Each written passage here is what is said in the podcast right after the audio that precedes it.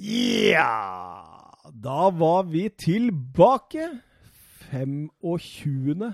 Heter det det? 25.? Ja, 25. 25., kanskje? 25. episode av fotballpodkasten 90 minutter. Og hei, hei, Mats. Hei, hei, Thomas. Endelig er vi alene igjen. Endelig.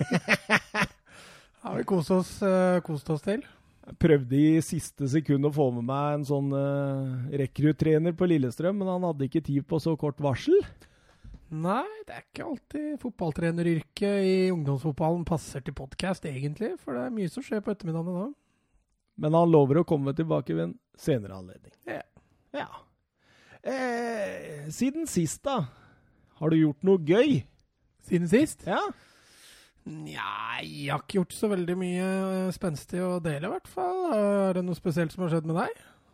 Nei, altså jeg bor jo hos svigermor og svigerfar, da. Du har ikke fått flytta hjem ennå? Nei, det er fortsatt en uh, tre gode uker til, tror jeg. Ja, Men ukene er gode, altså? Ja, ja. Det er som jeg sa, hotell. Nei, i, dag, i dag kom jeg hjem fra jobb sånn i fire-ish, og middagen sto servert eh, halv fem. Ja. Ja. Det er sweet. Ja da. Og hvis jeg og samboer har lyst til å trene, så har de barna. Ja. Så dette her er jo bare gull. Gull og grønne skoger. Jeg vil ikke flytte hjem igjen, eh, programmet i dag, Mats. Vi skal eh, Vi skulle i utgangspunktet gå gjennom eh, Norge-Malta og ja. Sverige-Norge. Mm.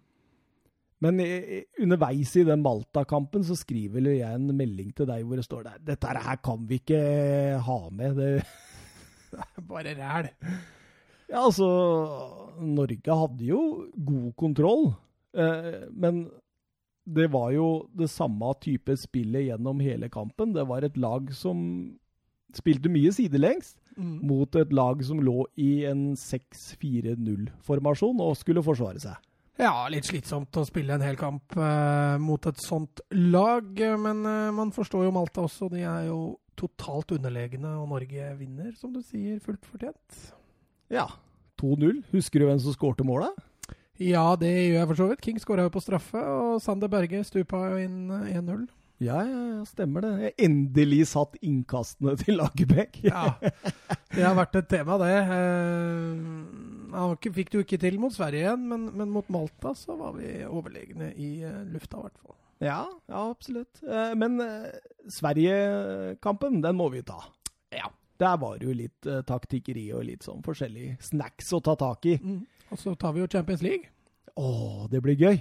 Vi skal ta og gå gjennom samtlige grupper og samtlige lag i Champions League, og rett og slett komme med en ja, Kall det gjerne fasit. Fasit på, på grupp, som, gruppespillet, altså. Ja, på ja. hvem som går videre fra ja, gruppespillet. Ja. Kall det en fasit. Ja, jeg kan godt uh, si deg hvem som vinner òg, ja, men Ok. Men det kan vi, vi ta seinere. Det tar vi seinere. Eh, ja. Sentralpuben? Ja, du, du, er flink til å huske på den. Ja, vi må ta vare på de som gidder å hjelpe oss. ja da. Sentralpuben på Oslo S eh, tar dere gjerne imot og serverer dere god pils og fin ball. Ja. ja. Eller i hvert fall god skjerm. God skjerm, ja. Kommer litt an på hvilken kamp den viser, om det er god ball eller ikke. Men. Ja, Den viser stort sett alle store eh, oppgjør, i hvert fall. Ja, ja. Litt Premier League og litt, uh, litt ymse. Men som du var inne på, så var ikke Norge-Malta en uh, god ball. Nei, nei, nei, absolutt. Og så tror jeg litt til og med den viser vinteridrett og sånn på vinteren, for de som er interessert i det. For spesielt interessert. Ja. Eh, alt med ball er ikke idrett, er det ikke så? Alt med ball er ikke idrett. Alt uten ball er ikke idrett. Nei, heller må det, i hvert fall. Skal vi bare kjøre i gang, eller? Snurr musikk. Yes.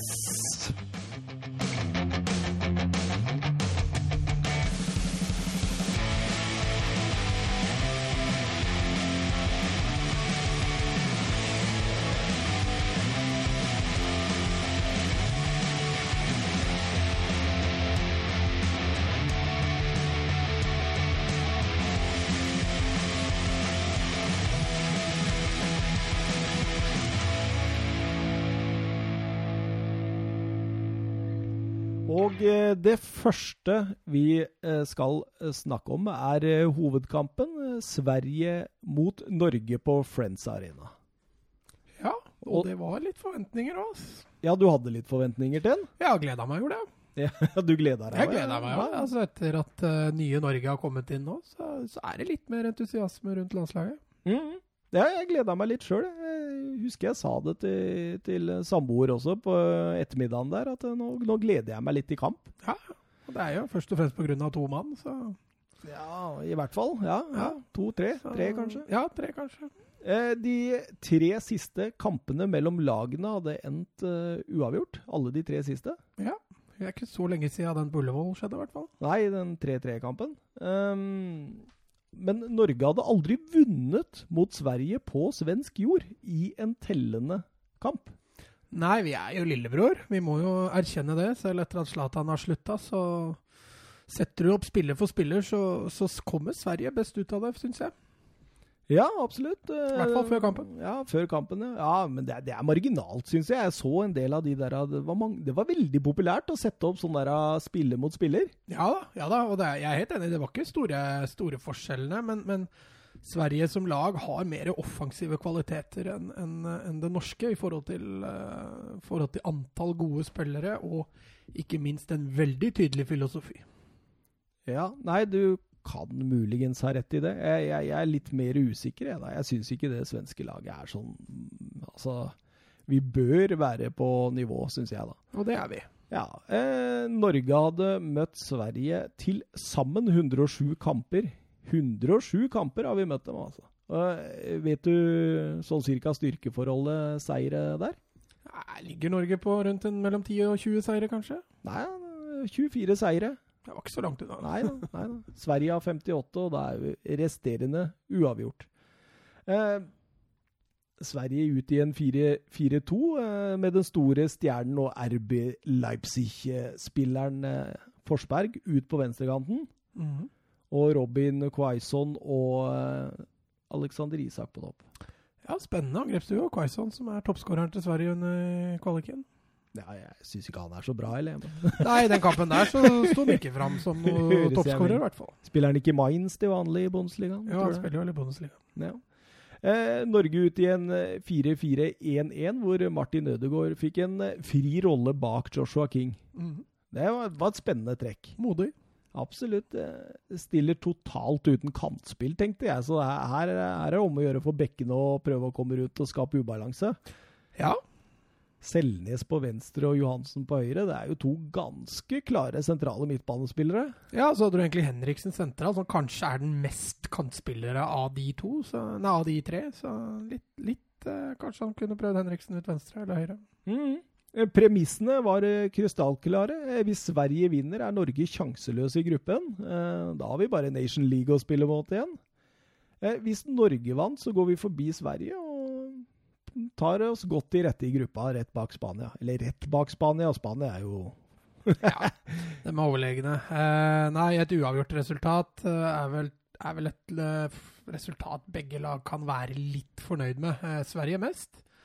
Norge nå, er nå helt avhengig av at Sverige gir fra seg poeng eh, for å klare andreplassen, mens eh, vi må få til noe helt spesielt mot Romania, og kanskje også mot Spania. Ja, Så ikke ut som Joshua King var fornøyd etter kampen, uten at vi skal Nei, men jeg kjenner meg liksom ikke helt igjen i de uttalelsene hans heller. Altså, han føler at Norge er det klart beste laget i første omgang, og der, eh, der er jeg litt uenig. Eh, Norge er eh, Vi er på høyde med Sverige, det er jeg helt enig i, men at Norge fremstår som klart best, det, det så ikke jeg, i hvert fall. Nei, vi kan ta en liten diskusjon på det når vi kommer til pausa, tenker jeg. Ja. Eh, I starten av kampen, eh, dommeren blåser i gang, og, og Norge eier jo mye ball helt i starten. Jeg tenkte der eh, Jeg, jeg forventa egentlig et stormløp fra Sverige, så jeg blei litt sjokkert. Jeg ble også litt, litt overraska at Norge fikk lov til å ha ball, for Sverige la seg litt, litt lavere helt i starten av, av kampen. Og jeg tenkte, etter at det hadde gått en åtte-ni minutter, så tenkte jeg at dette ser veldig skremmende likt ut som det gjorde på Ullevål. Der Sverige lot Norge ha ballen, men, men svenskene de justerte presshøyden underveis. Og, og Nei, vi fikk ikke lov å trille ball gjennom hele første omgang. fall. Nei, men så, så, så fikk vi en del eh, dødballer og en del sånne lange innkast og sånt, og vi var veldig gode i det ettertrykket der. Vi Ja. sto opp, og det sjokkerte svenskene litt, tror jeg. Vi vant en del andre baller. Eh, uten at vi greide å skape noen helt store muligheter eh, i det ettertrykket. I hvert fall ikke i starten. Eh, De gangene Norge egentlig så farligst ut, var når eh, Sverige kløna det litt til på egen hånd, egentlig.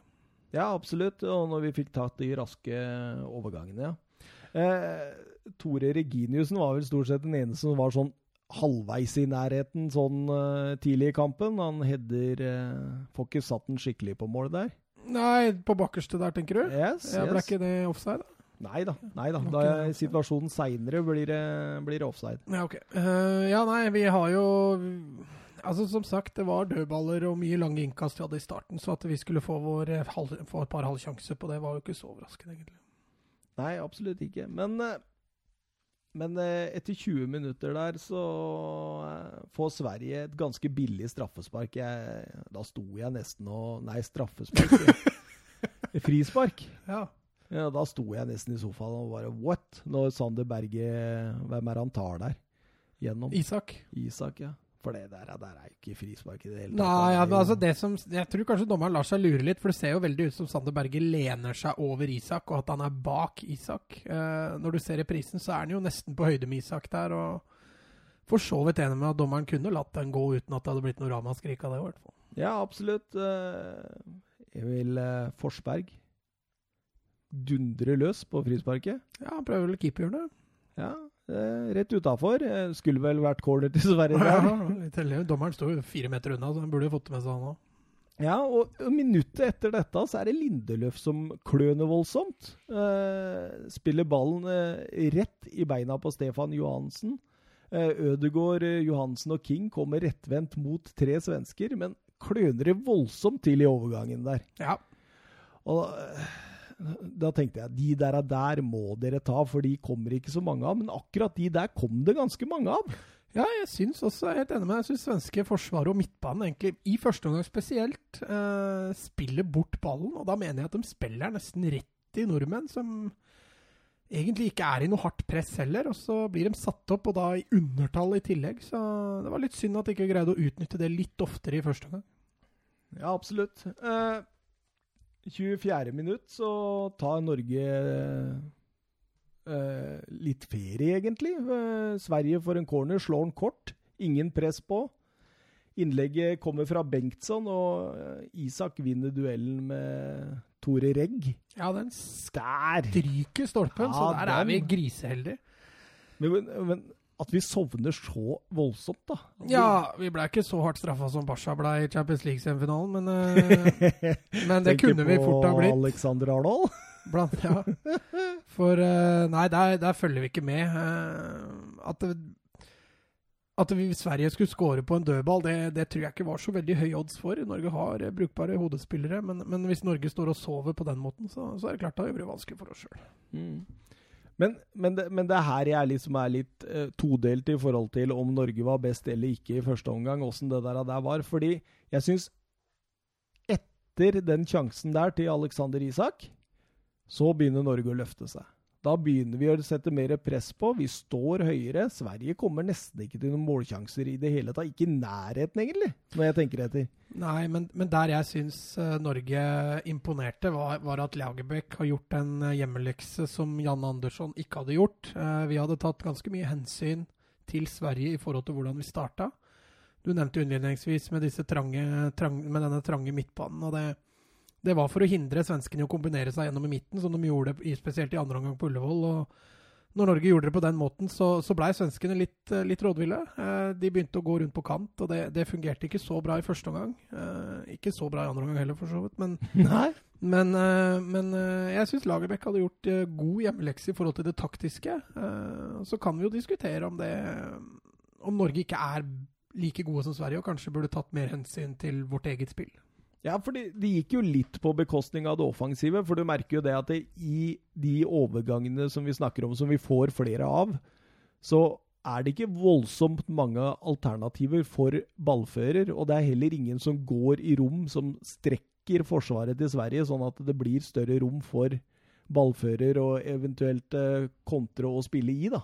Ja, altså det, det er litt det, det jeg sa til deg også, også i går angående Martin Ødegaard. Altså det er en rolle som passer han veldig veldig bra. Da får han Han kan falle ned dypt, han får brukt kreativiteten sin offensivt. Han har fått en voldsom løpskapasitet, men offensivt så, så blir han litt hemma, fordi de offensive løpene de kommer sjeldent uh, med, med, fire sentrale midtbanespillere. og Bekker som bruker veldig lang tid på å komme rundt, så, så blir det mye støttepasninger også på Martin Ødegaard. og Nei, Jeg syns det, syns det, var litt tamt offensivt, selv om vi defensivt hadde gjort en god, god jobb. Altså. Ja, absolutt. Jeg syns det. Eh, eh, så er det jo den balansegangen. ikke sant? Hvordan, hvordan, skal man legge seg? Altså, Det er jo Sverige på Friends Arena. Det er jo som i utgangspunktet storebror. Men ja. det er jo også et Sverige uten Thomas Brolin og Zlatan Ibrahimovic. Thomas Brolin, du satte, du satte de to i samme bås, ja. ja, men jeg tenker på at det, det er jo veldig Altså, jeg, jeg, kaller det gjerne profilløst svensk lag. da. Det er et utgave av Sverige som Altså, det, det, jeg, jeg, jeg syns ikke det er voldsomt mye bedre enn det Norge har. Så at vi skulle ta så mye hensyn til det defensivt, ja OK, kanskje det var riktig, men Men du så jo også på, på, på Ullevål da, at der tok vi jo ikke så mye hensyn. Og der fikk vi, ble vi jo straffa for det. Ja, men det var ute i annen omgang, og da hadde det skjedd diverse sånne taktiske litt fram og tilbake. Altså hovedspillet vårt eh, i første omgang, så var vi jo bedre enn Sverige. Veldig ja, bedre. På Ullevål, ja. ja. ja, ja. Eh, men, men, der også justerte jo svenskene seg fint inn, og det var den, den eh, det forbeholdet Lagerbäck åpenbart tok når han kjørte ja, fire sentrale midtbanespillere inn. og det det er klart, eh, Når du ser hva Norge hadde på benken, så, så er det jo ikke all verden av gode kantspillere vi hadde å sette inn der. Du hadde en Nei, Mathias Nordmann som kanskje hadde vært spennende. En Tariq Elunussi fikk jo komme inn og prøve seg, og han satte jo egentlig standard med en gang, han. Men han også daua litt etter hvert. Så, men, og ingen eh, av de du nevner der, er jo egentlig altså Det er ikke noe Jan Derek Sørensen. Det er ikke noe reine kanter. Nei, altså vi skulle gjerne hatt en Moey eller en Møller Dæhlie i form, eller eller noe lignende som kunne bidratt sterkere offensivt, så Ødegaard hadde flere punkter framover i banen. Eh, når Ødegaard får vente opp, så er det Han må gjerne slå støttepasninger og, og, vende hjemover. Eh, King blir jo Han løper seg helt tom. Du ser de ti siste minuttene, har ikke krefter igjen. Mm. Å løpe og springe der aleine, skjønner det godt. Eh, så Nei, vi er litt skuffa over at vi tok så mye hensyn til Sverige, men kan jo hende det lønte seg. Ikke sikkert vi hadde vunnet hvis, hvis vi hadde spilt mer offensivt. Men rett før Rett før dommeren eh, blåser av for pause, så får eh, vi et eh, Phil Jones-øyeblikk på Friends Arena. Ja, Grankvist han uh, syns Norge fortjente en god mulighet der, så han uh, serverte den til King. En av flere feilpasninger. Både Lindeløf og Grankvist så jo mm. tidvis relativt svimle ut. Og hvis du ser den overgangen de kjører der, kontra de de har kjørt tidligere, så drev de og spilte ball fra seg uten press mm. i de foregående overgangene. Men denne gangen så gikk King rett på stopper, helt til han fikk press på seg, og så ut. Martin Ødegaard, genialt å bare legge den videre på ett touch. Og Stefan Johansen setter den ja, via knottene til uh, Olsson i målet der. Ja, det var en perfekt kontring. Eh, gode bevegelser. Du ser Martin Ødegaard. Når ballen vinnes fra King der, så er han jo egentlig på vei rundt King for å komme rundt den. Eh, gjør det geniale der ved å, å, stoppe den bevegelsen for å komme mm. seg inn sentralt, som gjør at vi får, eh, får to punkter innover i banen å spille på isteden. Og, og det at han gjør det, det tror jeg rett og slett gjør at King fører ballen til å få press på seg. Hadde mm. Ødegaard løpt på utsida der, så kan hende King hadde spilt fra seg den ballen mye før. Ja. Så det var, det var uh, nok en gang en smartness av Ødegaard og fotballforståelse på, på høyt nivå. Så, men, og bra satt av Johansen. og ja. En kontring i høy klasse, rett og slett. Veldig fint. Og da gikk uh, Norge til uh, pause med 1-0. Og man satt litt sånn Ja, dette var en behagelig førsteomgang. Ja. Det var litt sånn Du følte ikke det helt store fra Sverige, og du følte Norge hadde fått den 1-0 og kunne begynne å liksom spille litt på resultat, da. Ja, enig. Eh, hva, hva, tror du Lagerbäck sier til gutta i pausen der? For det er jo her Joshua King kommer inn og sier at uh, vi blei altfor lave fra 45 og til svensk scoring.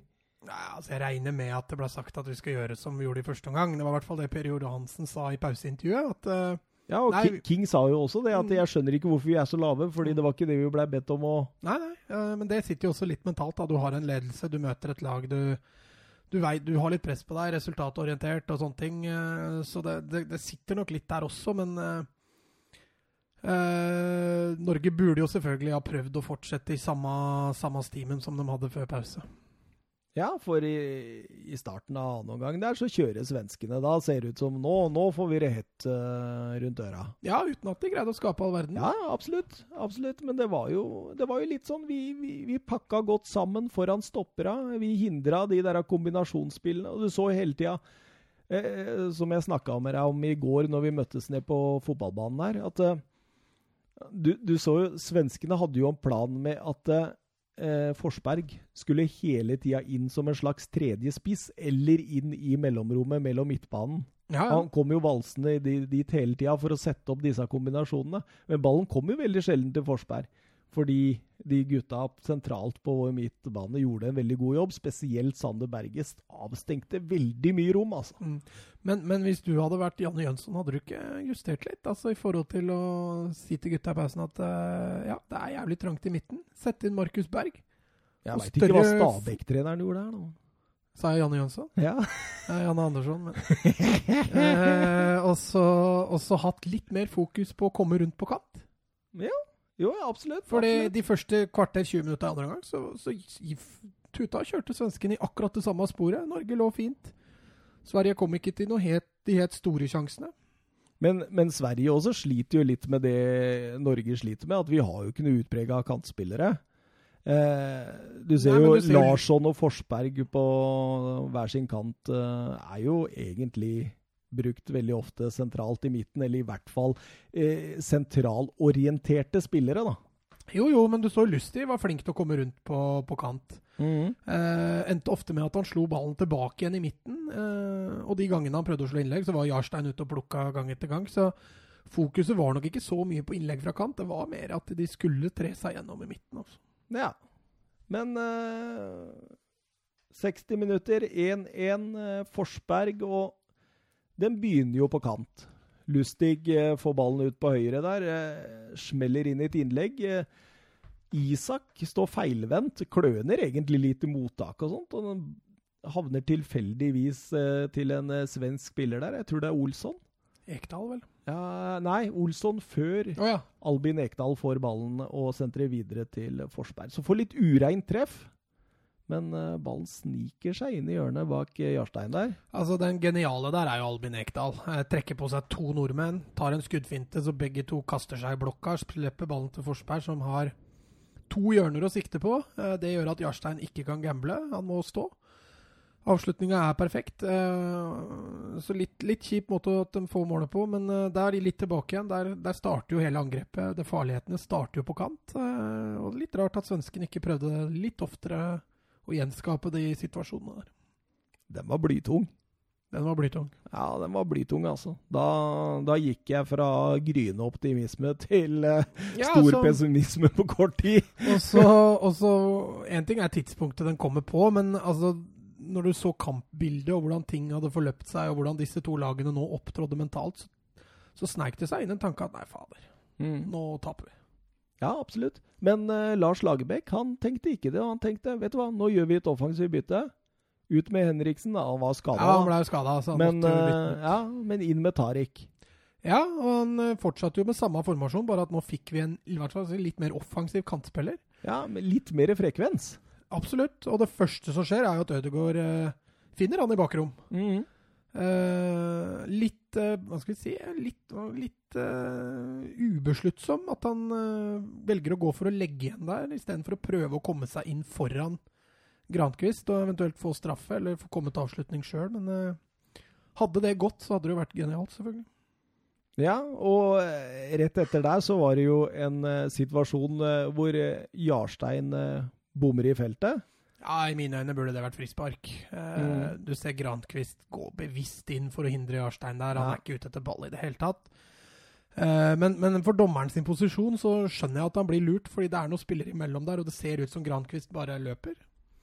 Forresten, uh, Grankvist, for en forferdelig fotballkamp han spilte. Ja, du sa det fint i går, at uh, hvorfor bytter han ikke ut han etter 20 minutter? Du ser jo at han er ute og sykler uh, nesten hele kampen gjennom. Altså. Ja, ja, ja, absolutt. Og, etter hva jeg forsto, så var det mye om dette i svensk media òg, at nå må han ut, liksom. Nå, nå, det var jo både, det var nærmest et folkeopprør om at nå måtte Granen, den store Granen han Ja, ut. skjønte han har vært i landslaget nå i 14 år, så det er klart de har sikkert litt, uh, litt bånd som er knytta der. Men eh, det han viste mot Norge, det var det ingen storhet over, i hvert fall. Men, eh, men at Grankvist er en bra spiller, det, det, det har vi jo sett. Men uh, alderen tynger. Mm. Og så er det litt sånn eh, Jeg syns Norge begynner å løfte seg. Og, og det skjedde litt det motsatte av det jeg tenkte på 1-1. Ja, det er jeg helt enig i. Jeg syns Norge opptrådde Altså, de, de res responderte på baklengsen på en veldig bra måte, da, ved å, ved å i stedet for å i stedet for å ha den tankegangen som, som jeg hadde, at nå går det dårlig, så, så bretta de litt opp arma og, og løft, klarte å løfte laget litt. Og det, det er faktisk en, en, vanskelig greie å få til altså, når, du, når du sliter. Og Lagerbäck viser jo der at jeg er ikke fornøyd med 1-1. Setter inn på Braut Haaland for Johansen. Ja. Og spiller nærmest med to på topp og én hengende. Ja, minuset med det er at Ødegaard må ut på kant. Ja. Eh, vi mister litt den kreativiteten bak spissene da, men det er klart, da får vi jo to uh, løpssterke, duellsterke spisser framme. Ja, han var nære et par ganger, Haaland. Ja, den ene gangen med King der, som Ødegaard igjen eh, trer igjennom. Ja. Og King prøver vel å finne Haaland, tror jeg, men eh, det er en eh, god halvmeter som mangler der. Absolutt. Syns Ødegaard det er vakkert å se på. Ja, eh, helt enig. Eh, men, men der jeg er mest imponert over Ødegaard, er antall meter han legger ned i løpet av en match. Han jobber knallhardt. Han jobber knallhardt. Altså, er blitt en ordentlig toveisspiller. Ja. Eh, hadde Norge spilt med tre på midten, så hadde han fint tatt en indreløperrolle og kunne blomstra i en indreløperrolle, tror jeg. og eh, skulle gjerne sett Martin Ødegaard i et lag, et landslag, som kunne hva skal vi si, ha litt friere tøyler offensivt. Som kunne blomstre litt mer, eh, mer offensivt. For uh, han, er, han blir veldig begrensa når, når uh, vi mangler så mye offensivt. Ja, absolutt. Men Sander Berga, hva tenker du? Jeg tenker på den der eh, etter 82 minutter der. Da har han, eh, da han jobba og løpt mange meter. Altså, da han forserer eh, oppover høyresida der. Ja, jeg sa innledningsvis at det er først og fremst to spillere som gjør at man gleder seg til landskamp. Den andre jeg mente da var, var Sander Berge. Ja. Jeg syns han er i ferd med å bli en internasjonal spiller, også han. Fysisk er på plass, det ferdighetsmessige er på plass. Han har litt å jobbe med i forhold til posisjoneringsspillet sitt. Kan opptrå litt klønete og sånn i taklinger, men er, han er fantastisk å se på måten han kan ta med seg ballen gjennom ledd. Sette opp situasjoner på motstanders uh, banehalvdel, og virker også veldig trygg og i pasningsspillet. Mm. Og kanskje en av hans aller beste landskamper. Ja, Nå er det riktignok bare 15 av dem, men, eh, men han er på vei. Og når dommeren blåser av, så, tenker, så sitter man igjen litt skuffa, faktisk. Ja, altså, man, man satt jo med en følelse av at kanskje Norge var hakket hvassere, eller ja. i hvert fall fortjent å få litt mer ut av matchen. At vi sitter igjen med en uavgjort, hvis du ser litt objektivt på det, er, er egentlig ikke så ufortjent, altså. Men ingen av keepera gjør voldsomt mange kvalifiserte redninger. Nei, det er på ingen måte. Både Olsson og Jarstein er et par ganger ute i felt og plukker, men eh, redninger var det ikke så mange av. Nei, absolutt ikke. Uh, uh. Altså Bare for å ta, ta statistikken. da. altså Norge har ni avslutninger, Sverige har fem. Ja. Norge har to på mål, Sverige har én på goal. Og når det gjelder possession, så har Sverige da 54% Norge har 46% så det er en, det er en helt jevn fotballkamp. Og, og hjørnespark også er relativt jevnt med 3-5, så Det var ikke 19-0, altså. Nei. Så, men altså når du ser statistikken, så tenker man jo at eh, ja, Her var det fortjent med uavgjort. ja uavgjort her er, Mm. er helt greit. Og som nasjonalist, og at du selvfølgelig heier på Norge, så er det litt bittert at du føler du hadde seieren. Ja. Men eh, jeg tror nok også svenskene føler på samme måte at, eh, at det her kunne vi ha vunnet hvis vi hadde bare vært litt mer på. Så Viktor Lindeløf i ettertid sa at det var den dårligste landskampen de hadde spilt med han på banen. Ja, men det Han slakta seg sjøl. Ja, altså, men, men altså, jeg tror Sverige var, var dårlig pga. Norge, først og fremst. Jeg Mm. tror ikke Sverige var dårlige fordi de hadde elleve spillere utpå der som ikke hadde dagen. Norge defensivt eh, hadde en nesten feilfri fotballkamp. Ja, nei, det, det, jeg syns det var bra. Og, og til tross for egentlig at det, altså, Når jeg så alle Sami og Tore Regg og, og Nordtveit baki der og sånn, så Jeg blir så redd, men jeg, jeg, Jeg syns jo i hvert fall de to jeg er mest redd for, Nordtveit og Alesami, gjorde gode kamper, altså. Ja, Alesami og Nordtveit var de to beste bak der. Jeg er helt enig med deg. Eh, Jeg syns Omar har en langt eh, mer tvilsom kamp. Eh, Defensivt greier han seg greit, men du Var det en gang han var igjennom, han òg? Ja, han valgte å skyte Ja. istedenfor å titte opp. To ganger. Ja. Han valgte en gang å skyte og en gang å sentre. Uh, men defensivt så altså, Det kommer et innlegg der som lander på bakerste, som han skal klarere, og så bommer han på ballen. Ja. Altså, det er det du ser litt nedover i systemet. Er, nei, jeg syns Omar var en av våre svakeste spillere. Selv om han ikke hadde noen sånn ekstremt dårlig match, så, så sleit han i flere situasjoner. og Reginiussen kunne også blitt straffa hardt en gang der, når han uh, blir rundlurt av Isak ut på kanten. Ja. Ser jo ut som han er juniorspiller. Ja, absolutt. Absolutt. Eh, hadde vi ikke Twitter-spørsmål om, eh, om eh, det norske forsvaret? Mener mener å huske det.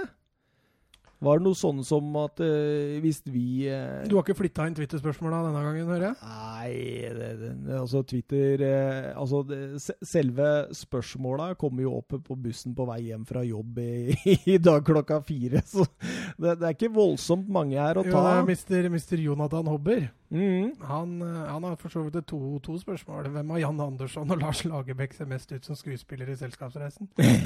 Jeg skjønner hva han mener. Ja, definitivt. Eh, Jeg tror begge to kunne gått inn der og hatt en rolle. Ja, Eh, men, men når Janne Andersson drar de brillene ned på nesa der, Ja. da kunne han vært en sånn gæren golfer eller et eller annet sånt. ja, Han kunne fint funnet han i Spania. i Ja, er absolutt, absolutt. Janne Andersson, denne går til deg. Ja, jeg syns det. Han Ja. får en førsteplass der. Og så kan dere plukke ut den ultimate norske forsvarsspilleren om alle var skadefri. Og da regner jeg kanskje han tenker på Ayer, i hvert fall. Ayer må inn. Ayer må inn. Ayer må inn. Eh, jeg husker det var, sånn åtte-ni år siden, og jeg tenkte Norge har en gryende god stoppergenerasjon på vei opp. Da var Nordtveit og sånn på vei opp, og du hadde en Demidov som var god, og en Reginiussen som hadde gått til Schalke. og Ja, Men de blei det liksom aldri noe, noe schwung over. Stefan Strandberg har forsvunnet eh, litt i intet, riktignok mye med skader, men eh, vi har faktisk et lite problem på stopperen, altså. jeg er helt enig med deg, faktisk. Eh, Vi har et lite problem. Men hvis vi skulle ta ut min ultimate, altså den jeg tenker er best Altså kvalitetsmessig, først og fremst, da. Spiller for spiller. Så, så vil jeg ha Jeg vil fortsatt ha Omar på høyrebekken. Jeg vil det. Eh, jeg veit ikke om Jonas Svensson er noe særlig bedre.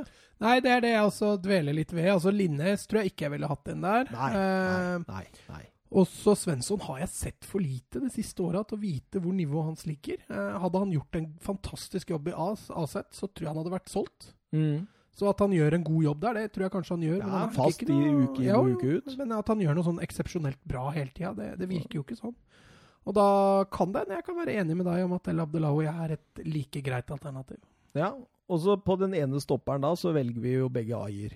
Ayer er Men han, han, han er jo så, Er Altså, han allerede- skadefri, så er han der. Allerede nå en Ayer i kamp for er, er vår beste stopper, faktisk. Ja, det er jeg helt enig i. Eh, Så er det den andre stopperen, da. Og der, eh, Hvis Nordtveit spiller som han gjorde mot Sverige, så er det Nordtveit. Pga. også hans pasningsfot.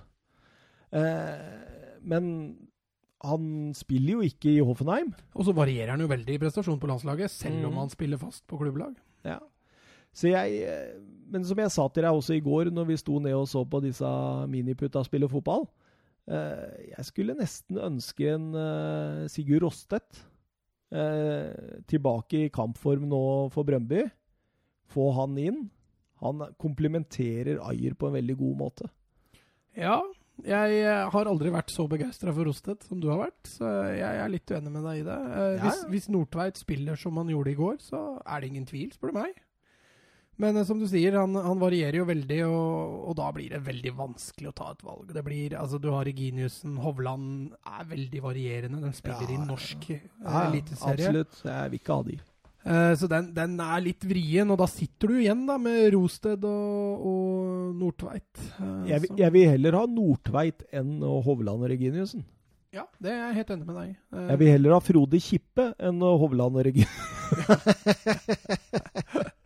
Ja, til og med Ruben Gabrielsen satt jo på benken nå, så det, er, det, det sier litt om at vi, vi, har et lite problem på stoppeplass. Altså. Det er ikke mye altså. bredde der. Nå var både Rosted og Ayer ute, riktignok, men, eh, men Ruben Gabrielsen er for all del en fin fyr og en, og en bra stopper, men, eh, men landslagsklasse, det, det, har han ikke, altså. Nei, jeg er enig med deg. Eh, venstrebekken, eh, der vil jeg helst se Birger Meling, ja, altså. Ja, det er jeg helt enig med deg i. Eh, litt synd å ta den diskusjonen nå som alle sammen kanskje hadde sin beste landskamp, ja, i mine øyne. Men, eh, men det Meling har vist for Rosenborg, riktignok igjen da, tilbake igjen til Eliteserien, men eh, jeg, jeg, tror det bare er tidsspørsmål før Meling er i en litt større klubb, i en litt større liga. Eh, og Meling uh, syns jeg virker meget altså, En moderne og interessant backtype. Offensiv, eh, god fotballforståelse, bra tempo, god løpskapasitet. Så da er vi jo egentlig for så vidt enig om eh, Omar, Ayer, Nordtveit, hvis han spiller som han var i går, og Meling. Ja. Den er grei. Skal vi ta fantasypoengene våre, eller? Eh, ja. Eh, du kan egentlig starte, du. Ja, jeg valgte ut tre, tre nordmenn, jeg. Jeg orka ikke å begynne med, med Sverige. Jeg er såpass nasjonalistisk, eh, tok jeg det. Ødegaard i mine øyne Norges beste spiller. I hard kamp, eh, sånn jeg ser det, med, med Sander Berge. Ødegård Ødegaard, det Ødegaard gjør, er mye lettere å se, fordi han gjør det så mye med ball. Mm. Eh, Sander Berge gjør mye av den usynlige jobben. Han dekker mye rom. Det var han som tok store deler Forsberg og Isak ut av det rommet hvor Norge ikke ville ha dem i. Ja. Eh, han er pasningssterk, og på slutten av matchen så er det også han som drar i gang et par av de angrepene. Så Sander Berge hadde en fantastisk, eh, fantastisk kamp. Eh, den siste gir jeg til Nordtveit. Syns okay. han igjen var, var bra. Eh, mm. God i duellspillet. Har eh, egentlig ingen graverende feil. Målet kommer på sida til Reginiussen, eh, hvor han er litt eh, hvor han er litt slapp i markeringsspillet og taklingsspillet. Ellers så har jo Nordtveit egentlig ingen feil. Ingen uh, Joshua King? Nei. Nei? Nei jeg, jeg... Altså, altså, han gjør en fantastisk innsats, men det er, det er liksom Han mangler litt det sluttproduktet som uh, man hadde trengt i en sånn kamp, syns jeg. Uh, en King i den matchen der, en, en verdensklassespiss, hadde avgjort matchen for Norge. Ja. Jeg kan jo dra mine fancy poeng også. Eh, det er som eh, følger. Martin Ødegaard, eh, tre poeng. Udiskutabelt, spør du meg. Jeg er blitt stor Martin Ødegaard-fan. Det han leverer nå, både på landslaget og i La Real, mm. det, er, det, er, stor idrett. Ja. Nå har gutten blitt mann. Ja, det, jeg, jeg, jeg, mangler ord. Det tror jeg er lenge siden vi har hatt en spiller med et sånt potensial i, eh, i Norge. Ja. Det er jeg helt enig med deg i. Jeg tror faktisk vi må, må såpass langt tilbake til type uh, Odd Iversen, Tom Lund-tida for å finne ja. en spiller med like høyt potensial. Da. Nå, ja, nå, nå, levde jo ikke jeg engang når de briljerte, men, men, man har jo sett litt videoer og hørt litt historier. Så, men, men, jeg tror i nyere tid, fra når jeg var ung, så, så har ikke Norge Altså kanskje Mykland, liksom. Du er ung ennå. Ja.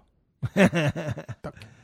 Eh, hadde vi ikke et Martin Ødegaard-spørsmål på Twitter, egentlig? Jo, vi hadde det. Ødegaard imponerte mot Sverige. Ja, det er Petter S. forresten. Virker voksen i stilen, sterkere, modigere. Hvor langt unna spilletid i real tror dere han er? Vi kunne jo tatt det spørsmålet etter du var ferdig med fantasypoengene dine. Vi kunne jo det, men uh, siden vi var innom Ødegaard Hvor langt unna er han real nå? Én sesong, eller? Altså Jeg tror Real Madrid ja, er, Jeg, jeg syns det er et vanskelig spørsmål å svare på, fordi han spiller ikke indreløper verken på landslaget eller i Sociedad. Eh, Nei. Real Madrid spiller jo med indreløpere. Jeg sa jo mm. tidligere at jeg tror han ville kledd en indreløperrolle veldig bra. Men per dags dato så konkurrerer han altså med Altså Når han kommer tilbake fra lån, så kommer også Ceballos tilbake fra lån. Og da konkurrerer han altså med Ceballos, Isco, Modric og Tony Cross, og det er ikke Det er ikke tullebukker, det, altså. Nei da, nei da. Men uh, en sesong, kanskje to, så er han der. Ja. ja. Vi uh, satser på det, i hvert fall. Hvis fort, utviklingen her fortsetter nå, han får det La Liga-tempoet inn i kroppen og litt sånne ting, så ser jeg ikke noe Ser jeg ikke noe forskjell mellom han og f.eks. en uh, en uh, Ascencio, f.eks.? Altså Potensialet for at Norge har en verdensklassespiller i løpet av ett til to år, det, det, er det ingen tvil om, i hvert fall. Så får vi se om det blir Real Madrid, eller om han uh, finner en annen klubb. To poeng gir jeg til Sander Berge. Ja. Det er veldig eksakt etter din ånd. Og da Joshua King på én, da, eller? Nei, faktisk ikke. Oh, ja. Albin Ekdal. Du tok ja. med en svenske. Ja, han uh, var Sveriges uh, klart beste spiller. Og mye av grunnen til at han er Sveriges klart beste spiller, er fordi han opptrer i det rommet hvor Martin Ødegaard uh, i utgangspunktet ønsket å briljere mest mulig, men Ekdal aleine sørger for at, Ødegård, at dette ikke blir en fullstendig Ødegaard-kamp. For, ja, for han tvinger Ødegaard lavere i banen. Mm. samtidig som han er, han er bunnsolid offensivt i det spillene for Sverige. Absolutt. Han slår jo nesten ikke bort en eneste kule. Han Så, gjør ikke det. Jeg også vurderte Albin Ekdal, men så tenkte jeg at nei, vi, fuck, vi er jo norske. Så vi, du er litt mer sånn enn meg, du. du. Heier på Solskjær og sånt. Det er sånn du er. Ja, jeg gjør det. uh, ja. Går Norge til EM? Nei. Ikke fra kvaliken. Men fra Kanskje Nations League. Altså, Vi kan jo ta framover litt. Altså, det er, Sverige, nei, det er eh, Spania hjemme nå i neste kamp, og så er det Romania borte. Hvis Norge sitter igjen med mindre enn fire poeng der, så det, vi, tror jeg vi er sjanseløse. Ja, og det gjør vi jo. Og Sverige har Malta og Færøyene, hvis ikke jeg husker helt feil, i de to neste. Så de kommer jo til å få seks poeng. Ja. Hvis Norge taper mot Romania og vinner mot Spania, så tror jeg fortsatt vi er sjanseløse. Da hjelper ikke at vi har igjen Færøyene og Malta. Men, men, men, hva med spanske stjerner som allerede er klare omtrent? Eh, en sånn eh, litt sånn kald eh, blir oktober-november-kveld på Ullevål stadion? Jo, men igjen, altså Spania-kampen blir ikke så viktig, fordi Uh, når Norge møter Spania, så møter altså Sverige og Romania møter Færøyene og Malta. Ja, Men Sverige har vel Spania igjen, de òg? Det er helt riktig, men hvis vi taper mot Romania i kampen etter, ja. så er vi tilbake igjen på null likevel. Men, men, at vi kan vinne mot Romania, det er jo eh, større sjanse enn å, at vi tar ja, Spania. Kampen i Bucuresti blir, den blir, den blir tøff, altså. Men eh, jeg er helt enig med deg. Jeg, med tre poeng mot Spania og ett poeng, kanskje forhåpentligvis tre poeng mot Romania, så er det veldig gode muligheter, for da har vi Malta og Færøyene igjen. Ja skal vi over til uh, La Grande Champions League. La Grande? Ja. Gruppe A. Vi begynner rett og slett uh, der. Og så jobber vi oss ut mm. til uh, siste gruppe. Så tar vi episodens talent, og så sier vi natta. Ja. Men det er, kjenner jeg oss rett, en god stund til enda. Er det noen lag du savner i Champions League? Manchester United. Ja. Det, det, er, det er, liksom de, de, hører der, selv hvor lite jeg liker det, så de hører hjemme i Champions League.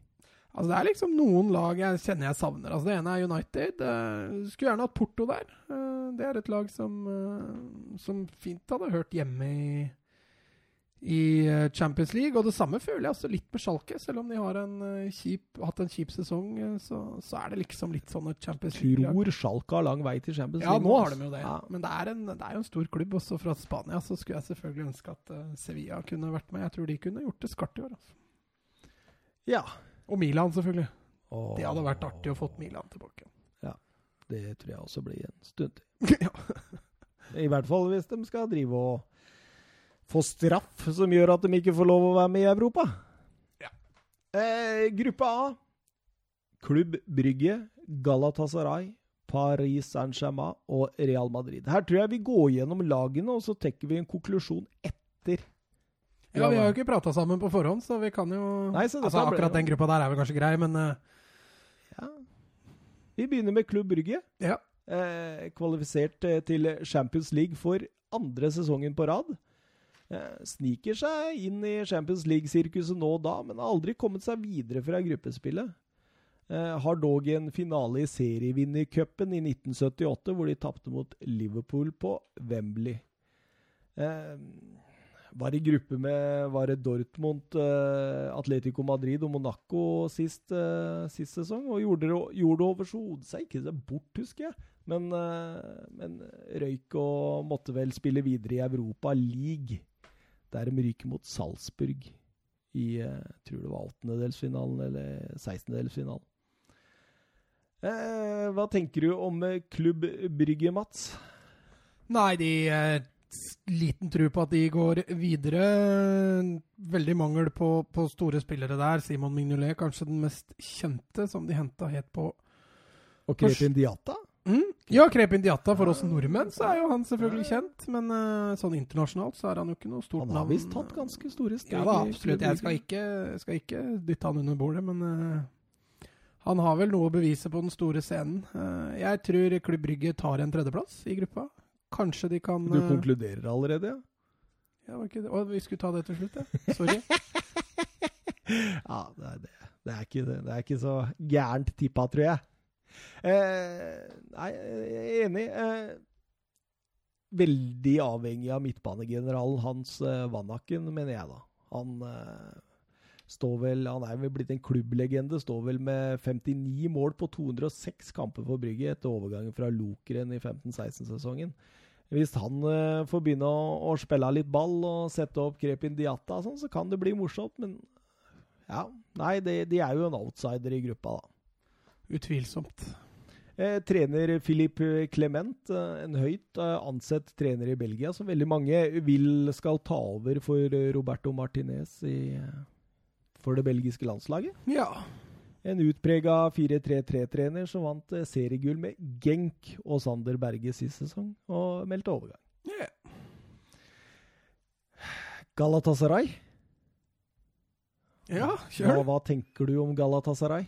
Det er jo litt sånn kaosklubb. Eh, mye, mye skriverier rundt om fotballen. De har en fanskare som både er veldig dedikert og kan fort gå litt over streken. Eh. Enormt trykk på de hjemmekampene der. Det er enormt Ja, det er vel riktig sagt. Jeg husker fortsatt når Schneider spiller med fansen der. og det er sånn varme hjerte-typ, så det er, det er, litt begge deler med, med Galatasaray. De har, et, de har, jo et meget spennende, spennende stall, men Nei, jeg, jeg, tror i hvert fall ikke de kan konkurrere om å gå videre, i hvert fall. De eh, er klare for gruppespillet for sjette gang, og deres beste prestasjon går tilbake til 2013, hvor de røyk i kvartfinalen mot Real Madrid. Eh, I fjorårets utgave ble de nummer tre eh, og måtte spille videre i Europa League, hvor de røyk mot Benfica i 16-delsfinalen. Eh, på deadline day så henta de uh, litt flittige spillere her. Ja, den de kom med ja, annet Mario Lemina fra Southampton og, og, og Florin Andone, rumenske spissen. Ja, stemmer fra Brighton. Fra Brighton og, og, de har jo allerede også leid fra, fra Fulham i, i Jean-Michael Seri, så og så har de også Steven Nsonsi og Sofian Fegoli. Og nei, det er, det er en del. Og, og, og Radamel Falcao. Ja, ikke minst. Og, og, ikke minst Martin Linnes er jo i den stallen. Så nei, de har et litt artig lag. Absolutt. Et, et, trener eh, Fatih Terim er en ekstremt rutinert uh, trener som har nådd pensjonsalder og vel så det, i hvert fall i norsk målestokk. Tidligere leda lag som Fiorentina og Milan samt det tyrkiske landslaget over hele tre perioder. eh, ja En 4-2-mann eh, som har gått i takt med utviklingen av fotballen og, og, og gått over til en mer 4-2-3-1, selv om han er innom 4-1-4-1 til tider, ser jeg. Ja. En, eh, jeg følger ikke så mye med tyrkisk fotball, så her stoler jeg på deg.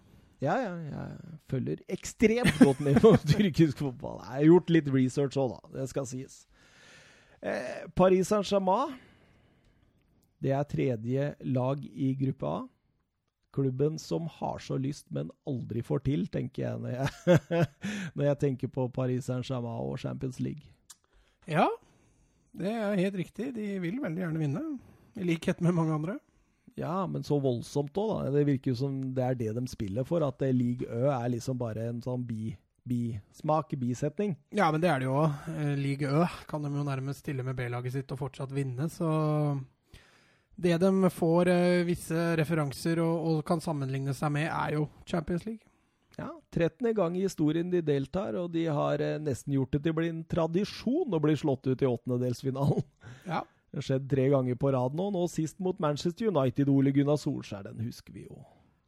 Den husker vi jo. Ja, den uh, sitter godt i minnet. Ja, eh, starta Ligue Ø med, med tre seire og ett tap på fire kamper, noe som gir eh, tabelltopp eh, med A-poeng med tre andre lag. Eh, i, så de er i rute for å ta nok en tittel, da. Ja, de starta vel med tap mot cupfinalisten fra i fjor, hvor de tapte cupfinalen. Ja, det var vel andre serierunde. Det var da Kam Kamavinga var så Ja, stemmer, stemmer. Ja. Så dem eh, Men eh, nei, jeg ser ingen som kan utfordre dem i, i eh, men eh, i Champions League så Nei, det er et lag som kan gå hele veien, og det er et lag som kan bli slått ut i i åttendelsfinale, men når du ser den elveren altså De har forsterka med, med Ander Herrera, Sarabia, Icardi altså Det er eh, også Idrissa Ghana Gay, og nå helt på slutten, da Det viktigste, kanskje, Navas. Ja, Ja. Navas, ikke minst. Eh, og så Juan Nei, Sergio Rico ble også leid inn fra Sevilla, riktignok som keeper, men uh, reservekeeper, tenker jeg. Og Neymar endte jo opp med å bli, da, så kan Ja. jo Åssen utgave av Neymar tror du vi kommer til å se? Nei, det blir veldig spennende å se. Han, eh, på slutten der så blussa det jo opp at han syntes det var greit å bli òg. Ikke noe problem det heller. Så får vi se åssen medspillere og fans takler det. Ja, og Thomas Tuschel, da, treneren, han, eh, han blir vel målt etter Champions League eh, dette året, tror jeg. Kun. Ja. Ja, kanskje han mangler jo et spa fransk cupgull, da. Det gikk noen små rykter om at uh, Qatar Sports Investment var litt uh, ferdig med den. Ja, Det gikk vel noen rykter om at han var litt ferdig med PSG òg. Ja, ja. Eh, men han får lov å bli og skal vise seg fram. En eh, 4-3-3-trener med klare meninger utad. Det virker litt sånn enerådende og litt sånn vanskelig å samarbeide med, kanskje? Ja, jeg er for så vidt enig, men når du har et lag med så sinnssykt mye stjerner som spiller i en liga som egentlig de er for gode for, så må du kanskje være det litt òg. At eh, enten my way or uh, not, uh, not the way. Så Nei, jeg, jeg tror han uh, har noe godt på gang, jeg. Men Champions League tror jeg ikke det blir. Hvordan tror du de setter opp treeren på topp nå? Nei, det er et veldig godt spørsmål. Mbappé er vel den sikreste av de tre. Og så, så blir vel Neymar eh, vanskelig å komme utenom, selv om han har vært mye tull rundt den. Så blir det vel en kamp da, med Kavani og Icardi om hvem som tar den siste. Det kan jo fort eh, være starten på slutten for Kavani Cavani i eh, Paris Saint-Germain, tenker jeg. Kan vel hende de faser den litt ut, men Icardi er jo bare leid inn, riktignok med en opsjon der. Så får vi se hva det blir til. Om eh, Wanda Nara klarer å kludre det til. Eh, Paris er en romantisk by, så Wanda Nara kommer til å kose seg der. Det gjør han nok. Siste lag i gruppe A er Real Madrid. Alle kjenner vel til Real Madrid og deres Champions League-historie.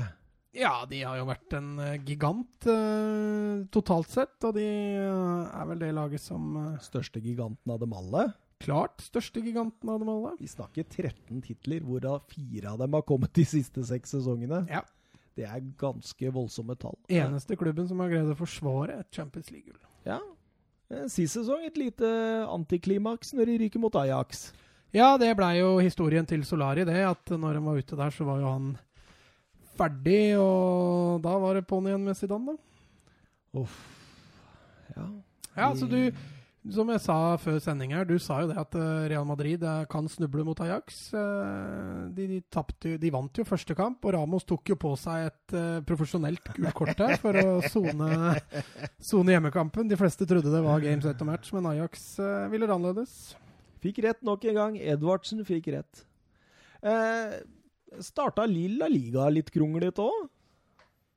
Ja, de har ikke tapt en eneste obligatorisk kamp ennå, i hvert fall. Men Nei eh, da, de men eh, Valladolid og Real uh, via Real og Celta Vigo, det er ikke voldsomt uh... Nei, men vi har jo allerede vært innom det, ikke det? At de kan få en tøff sesong i år.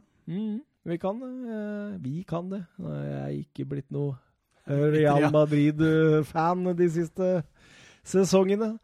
Um, ja Zinedine Zidane.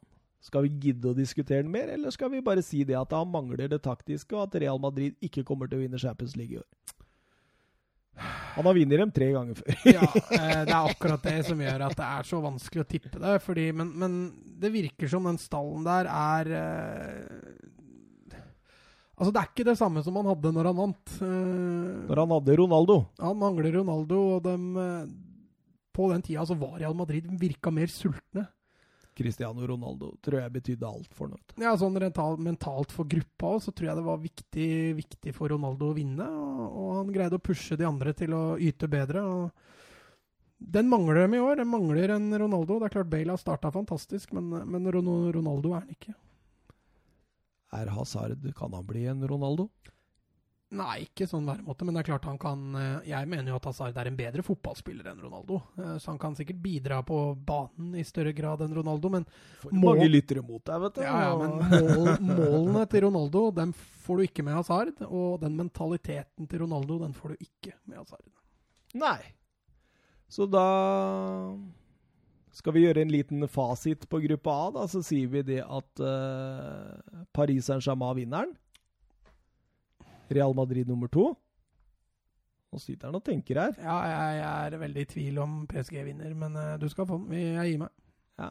Brygge tre. Ja. Og Galatasaray fire. Ja. Da skriver vi opp det et sted, og så fortsetter vi til gruppe B. Der mm. har vi Bayern München, Røde Stjerne, Olympiakos og Tottenham Hotspur. Ja. Skal vi begynne med Bayern München? Ja. De tyske mestere har vunnet Champions League to ganger og serievinnercupen da det het det tre ganger, og er tyskeras flaggskip i Europacupen. Eh, de vant sist i 2013 etter å ha beseira Dortmund 2-1 på Wembley i en heltysk finale. Den husker du? Ja, Arjen Robben. Stjal vel overskriftene i den kampen. Mm. Eh, I eh, fjorårets utgave vant de gruppa si ganske greit, i en gruppe med Ajax, eh, Benfica og AEK Aten. Men de blei slått ut av Liverpool i åttendedelsfinalen. Etter 0-0 på Anfield ble det 1-3-tap på Allianz. Ja, det gjorde jo egentlig en god kamp på Anfield. De greide å nøytralisere Liverpool der. Men, men på, på Allianz så, så, tror jeg de nesten undervurderte Liverpool litt. Eller de undervurderte kanskje egne offensive ferdigheter. Eller defensive, for den saks skyld. Ja. Som gjorde at Liverpool eh, egentlig tok et eh, OK avansement etter en fantastisk kamp av Mané. Absolutt. Eh, vi vi snakka jo mye Bayern München og Rune Midtskogen var gjest her i forrige episode. Ja. Eh, de som er litt interessert, eh, over gjennomsnittet interessert i tysk fotball, burde jo få med seg den episoden også, mm. hvis de ikke har gjort det. Eh, men det ser jo ut som dette tyske storlaget nå eh, har fått noen brikker på plass, da. Nå ser det ut som Nå kan vi se shapen i laget. Ja, den eh, Coutinho-signeringa tror jeg var veldig viktig. Hvis de greier å få han i form, så er det en kjempeforsterkning. Uh, en Persic er vel kanskje kjøpt inn mer som en breddespiller. Ja, og som en landsmann for Kovac, vet du. Ja, det kan være hyggelig Kovac å snakke litt en, kroatisk i, i, Bayern. Trenger en samtalepartner. Ja, absolutt. Uh, nei, og Lewandowski ser jo like fresh ut som alltid, så nei, jeg tror, tror Bayern er absolutt en utfordrer. Ja, Niko Kovac, som vi snakka om her nå, levde litt på nåde i slutten av forrige sesong, men fornyet tillit. En 4-2-3-1-trener med en klar filosofi om å angripe kantene og mate Lewandowski inn i boks. Eh, sånn stort sett alt av verktøy som skal til, eh, men er Kovac god nok til å ta tittelen med Bayern München? Altså Utfordrerne og, og, hindrene er jo veldig veldig mange. Eh, jeg har ikke Bayern som en av favorittene, men, men som en outsider. Ja, han har ikke voldsomt mye å vise til før han kom til Bayern. skjønner du? Nei, Han fikk jo ikke til all verden med det kroatiske landslaget heller, men uh... Nei, og Eintracht Frankfurt, jo, det var grei jobb der, men uh, jeg var litt overraska, husker jeg, når de ansatte han. Ja, jeg var også overraska.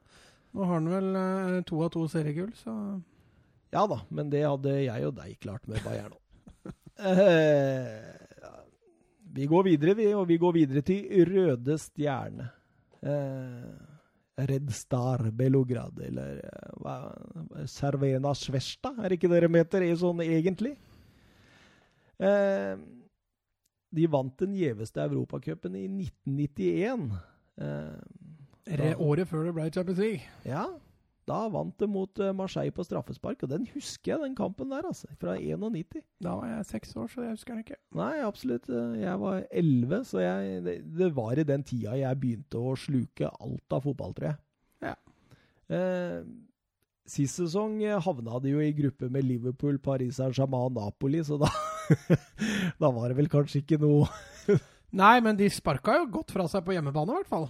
Ja, og den hjemmebanen, Mats. Den, den er en utfordring. Den er en utfordring for alle, tror jeg. Har, har du sett den YouTube-videoen hvor du kan gå inn i på en måte at de har filma hvordan det er å gå ut spillertunnelen der? Ja. Den 200 metera med tagging og død og fordervelse. Ja, det er for å skremme motstandere dit hen, og det, Ja, det, det- fungerer nok Der ofte hadde jeg blitt skremt, altså. Ja, i hvert fall når du kommer utafor Serbia, så tror jeg det er eh, sikkert noen som blir litt overraska over hvordan det ser ut, og den feelingen det gir av å gå gjennom der med, med det trøkket de kommer ut til. Så, så kan hende du får en litt eh, negativ opplevelse. Ja, absolutt. I hjemlig serie da, så har de starta med fem strake seire på fem kamper, men ligger likevel ned på en tredjeplass. Og hvorfor gjør de det, Mats? Nei, det var en liten uh... Nei, Du prøver å spille meg god her, skjønner jeg. eh, Nei, jeg vet ikke. Nei, det er fordi at uh, det De starta med minuspoeng? Er det Nei, det nei, nei. nei, nei. De uh, får lov av sitt hjemlige forbund å utsette kamper for å klare playoffen. Ja, Litt sånn som i Nederland. Ja, så de har rett og slett færre kamper enn de andre. Ja, de har eh, to færre kamper enn de andre. Eh, vant til to Det ble to uhyre jevne matcher mot Young Boys der. De trakk det siste, siste lille strået med en eh, 3-3 til sammen og bortemålsregel. Ja, og så var det jo eh, Den feiringa som foregikk etterpå, det, det, er, eh, det er for de spesielt interesserte, men absolutt gøy å se på. altså. Eh, Når vi tar en titt på, på spilletroppen der, så er det første som slår deg, er jo Marco Marin. Han er jo kjent. Han kjenner man til, og, og Riksmund Richmond Boakie er jo også en relativt kjent en for de som har fulgt med Serie A. Mm. Men ellers så er det ganske, ganske tungt. Ja, altså de, de har jo noen søramerikanske importer i Mateo Garcia og Jean Deer fra, fra Brasil, men det er, noe, det er ikke noe store navn de har i troppen. altså. Nei, absolutt ikke. Eh, trener eh, Vladan Milojevic eh, tok eh, fatt på sin tredje sesong i klubben eh, nå denne sesongen. Eh, 49-åringen har tatt Røde Stjerne opp et nivå, og har veldig imponerende tall. Han har vel 2,35 poeng per match for eh, Røde Stjerne. Så det er voldsomt bra. En eh, 4-2-3-1-mann som eh, før han tok over klubben i 2017, eh, kun hadde U19-laget til Røde Stjerne, pluss et par sånne serbiske lag. Og i, ett i Kypros og Hellas, tror jeg det var. Så det er, det er jo ikke en veldig merittert trener, men eh, som faktisk har gjort sakene sine ganske bra. Ja. Uten at jeg tror at de har noe spesielt å gjøre, den gruppen. I hvert fall ikke på bortebane. Ja, nei, topp to blir nok vanskelig. Eh, videre til den eh, tredje, gruppe, eh, det tredje gruppen, den tredje laget, så er det Olympiakos. Og der har vi et lite norsk alibi også. Ja, det er vel Omar, da. Omar, som vi snakka om så fint i stad. Eh, Olympiakos er tilbake etter én sesong i Europa League. Eh, sånt jevnt og trutt så er de alltid med. Ja, vi har jo en tidligere et eh, annet norsk eh, norskmann der som har vært der og styrt. Ja, han Trond Solli Ja, var vel der, stemmer. stemmer det? Tok et, eh, tok et seriegull, og så fikk han fyken. Mm. I fjorårets Europa League røyk de eh, i 16-delsfinalen mot Dynamo Kiev. Eh, hjemlig serie så står det med seks av seks mulig, sammen med tre andre lag. Ja, eh, det er vel Panathinaikos og AIK Aten og, og Olympiakos som er de tre store lagene i Hellas, og som slåss om dette seriegullet hvert år. Eh, en spennende spiss som de nå har leid fra Lill, i Yasin Benzia, som eh, Mm. var, var et meget stort talent som ung, men som ikke har fått, eh, fått ut potensialet sitt. Så får vi se om det funker i, i Olympiakos. Kan bli en eh, viktig mann å følge med på for eh, Olympiakos, i hvert fall. Ja, Så har de jo også henta Ruben Semedo, vet du, fra Var det via Real? Ja, stemmer det. Han eh, har jo gått stort sett skada i Villarreal, og jeg tror han eh, har brukt mer tid inne i fengsel enn han har gjort, gjort på fotballbanen den siste tida. Ja, han er en, eh, en hardhaus, kan vi si det. Litt sånn ufin type. Ja, det, du er ganske ufin når du drar hjem til en mann og truer ham med pistol og raner huset hans, blant annet. Ja, Der, treng, der er ufin. trenger du penger, så trenger du penger. Ja, og på puben var det noen episoder, og det, det var voldsomt med han der. der. Spennende å se hvordan Det var greit for Via Real å kvitte seg med det der, tror jeg. Og så Mathieu Valbuena, da, ikke minst. Ja, ja, ja. ja. Hva husker du han best som? Når du, når du sier han, så tenker jeg Benzema, jeg. Ja, det gjør jeg jo. det, det, det, han har jo ødelagt eh, ryktet sitt for alltid. det er nedtur. Eh, trener Pedro Martins eh, tar fatt på sin andre sesong. En trener som eh, kun har trent litt mindre lag i Portugal, og har ikke voldsomt erfaring på Champions League-nivå. En eh, 4-2-3-1-mann som så mange andre eh, står for høyt press og krever enormt fysisk av spillerne sine. Eh, går mye ut på å tvinge motstandere til å gjøre feil, og, og kjøre knallhardt på overganger. Ja, men det passer jo bra på, for Mo, Omar El Abdelawi, for da tror jeg en spiller som passer fint inn i en sånn spillestil. Ja, absolutt. Han har vel vært kaptein noen ganger òg, tror jeg. Han er visekaptein han, i Mm. Olympiakos. Det er- Det er jo sterkt gjort, da. Absolutt. Det siste laget i gruppe B er Tottenham Hotspur. Tapende finalist eh, sist sesong eh, tok seg videre fra gruppe B eh, med et nødskrik da. Eh, tøff gruppe med Barcelona, Inter og PSV. Ja, de redda seg vel litt inn med at Barca måtte, stilte B-lag på kamp nå, men det var vel ikke helt ufortjent heller at de, de tok seg videre. De, de surra det litt til borte mot Inter, tapte vel litt ufortjent der. Og så, og så klarte rett og slett ikke Inter å drepe gruppa når de hadde PSV hjemme i siste kamp. Så ikke sånn voldsomt ufortjent at de gikk videre. Nei da, absolutt ikke. Eh, slo videre ut Dortmund, Manchester City og Ajax før de tapte 2-0 i finalen mot eh, Liverpool. Eh, Spurs er med for sjette gang og har under Pochettino etablert seg som en eh, virkelig fast deltaker. Ja, det er vel eh, fjerde året på rad, er det det? Femte. Femte. Mm. Så da må det vel kunne gå an å kalle det fast. Ja, absolutt. Eh, I hjemlig serie har det gått noe trått foreløpig. Eh, Noen skader og noen uklarheter om overganger og diverse. Eh, Men etter landslagspausen så kan man endelig ha satt laget og se framover. Og det er- en del av spillerne som kommer tilbake fra skade. Og nå, nå tror jeg veien Jeg så Lo Celso var ute. Ja, han var ute til slutten av oktober, så jeg. Mm. Men uh, der er de godt forspent, så, så i hvert fall så lenge Eriksen blei. Ja, han, eh, men han har ikke signert ny kontrakt. Ikke foreløpig. Vi får se. Eh, tre store kjøp i sommer. En Dombele Lo Celso, som riktignok bare er på lån, da, og Cézinho. Og kun solgt Trippier, som betyr at eh, stallen er litt større, litt mer rusta. Ja, Jorente gikk jo, da. Ja, men det, det var vel en klar plan fra Pochettino at eh, Son, du er erstatteren til Kane. Ferdig med det. Ja. Jorente gikk vel til Var det Napoli? Ja. Ja. Eh, Harry Kane, det er vel kanskje mannen man er eh, fullstendig avhengig av for å gjøre noe særlig suksess i Champions League? Ja, eh, det tror jeg nok at de vil være veldig avhengig av han. I tillegg så tror jeg nok, tror jeg nok eh, Tottenham eh, trenger en, eh, en vel så god bakre del, bakre ledd som fungerer. For å vinne Champions League så må du slå ut i hvert fall to storheter på veien. Hvis du er heldig. Er du uheldig, så kan du altså måtte slå tre-fire storheter. Og Da nytter det ikke å ha et, forsvar, et litt vaklende forsvar og en tynn stall, og Tottenham er nok absolutt en av outsiderne. Ja, Midtstoppere er for så vidt ganske greit, tenker jeg. Det er vel Bekka der det er litt verre med. Få, det er enig. Få inn Foyt nå etter skade, så ta han høyrebekken. Og Danny Rose har jo et eh, skyhøyt uh, toppnivå. Så vi får bare satse på det. Men Harry Kane, altså. Jeg, jeg må snakke litt om han.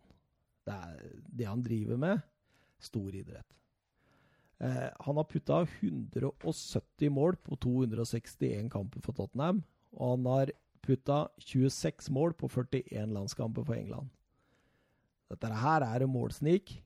Dette her er eh, Ja. Han kan skyte Tottenham eh, til eh, videre avansement, det er jeg ganske sikker på. Ja, videre avansement. Altså, Tottenham har jo ikke den helt store utfordringa utenom Bayern München. Så hvis Tottenham ikke går videre fra den gruppa der, så, så skjønner jeg egentlig svært lite. Jeg tror til og med Tottenham kunne greid det uten Harry Kane, ja, da, uten at jeg skal ta fra han noe som helst. Trener Maurizio Pochettino tar fatt på sin sjette sesong som trener i Tottenham. Eh, Argentina har da rykte for seg å være en av fotball-Europas aller beste trenere, også taktisk. Eh, 4-2-3-1-mann som kan variere voldsomt fra kamp til kamp, og motstander til motstander. Eh, Hva tenker du om gruppa? Skal vi sette en eh, en eh, fasit, som vi liker å kalle det her? Ja, jeg er eh, Her er slik Altså, sette de to øverste hvem som eh, Hvilke to som havner øverst, det er greit. Tottenham og Bayern. Uh, hvem som havner nederst, er Olympiakos og, og Røde Stjerne. Men hvem som får hvilken plassering der, den, den er litt tungvint. Jeg tror Røde Stjerne tar, tar tredjeplassen pga. et uh, solid hjemme som hjemmelag. Mm. Kan ta poeng både mot Tottenham og Bayern på hjemmebane. Uh, og så blir Olympiakos nummer fire. Når det gjelder hvem som vinner gruppa, så så når du ser hvem som har starta best av de to, så er uh, akkurat nå så er Bayern favoritt til å vinne gruppa, spør du meg. Bayern 1, Tottenham 2, Røde Stjerne 3, Olympiakos 4. Da er vi ganske enig i det. Ja. Eh, skal vi rusle videre til gruppe C?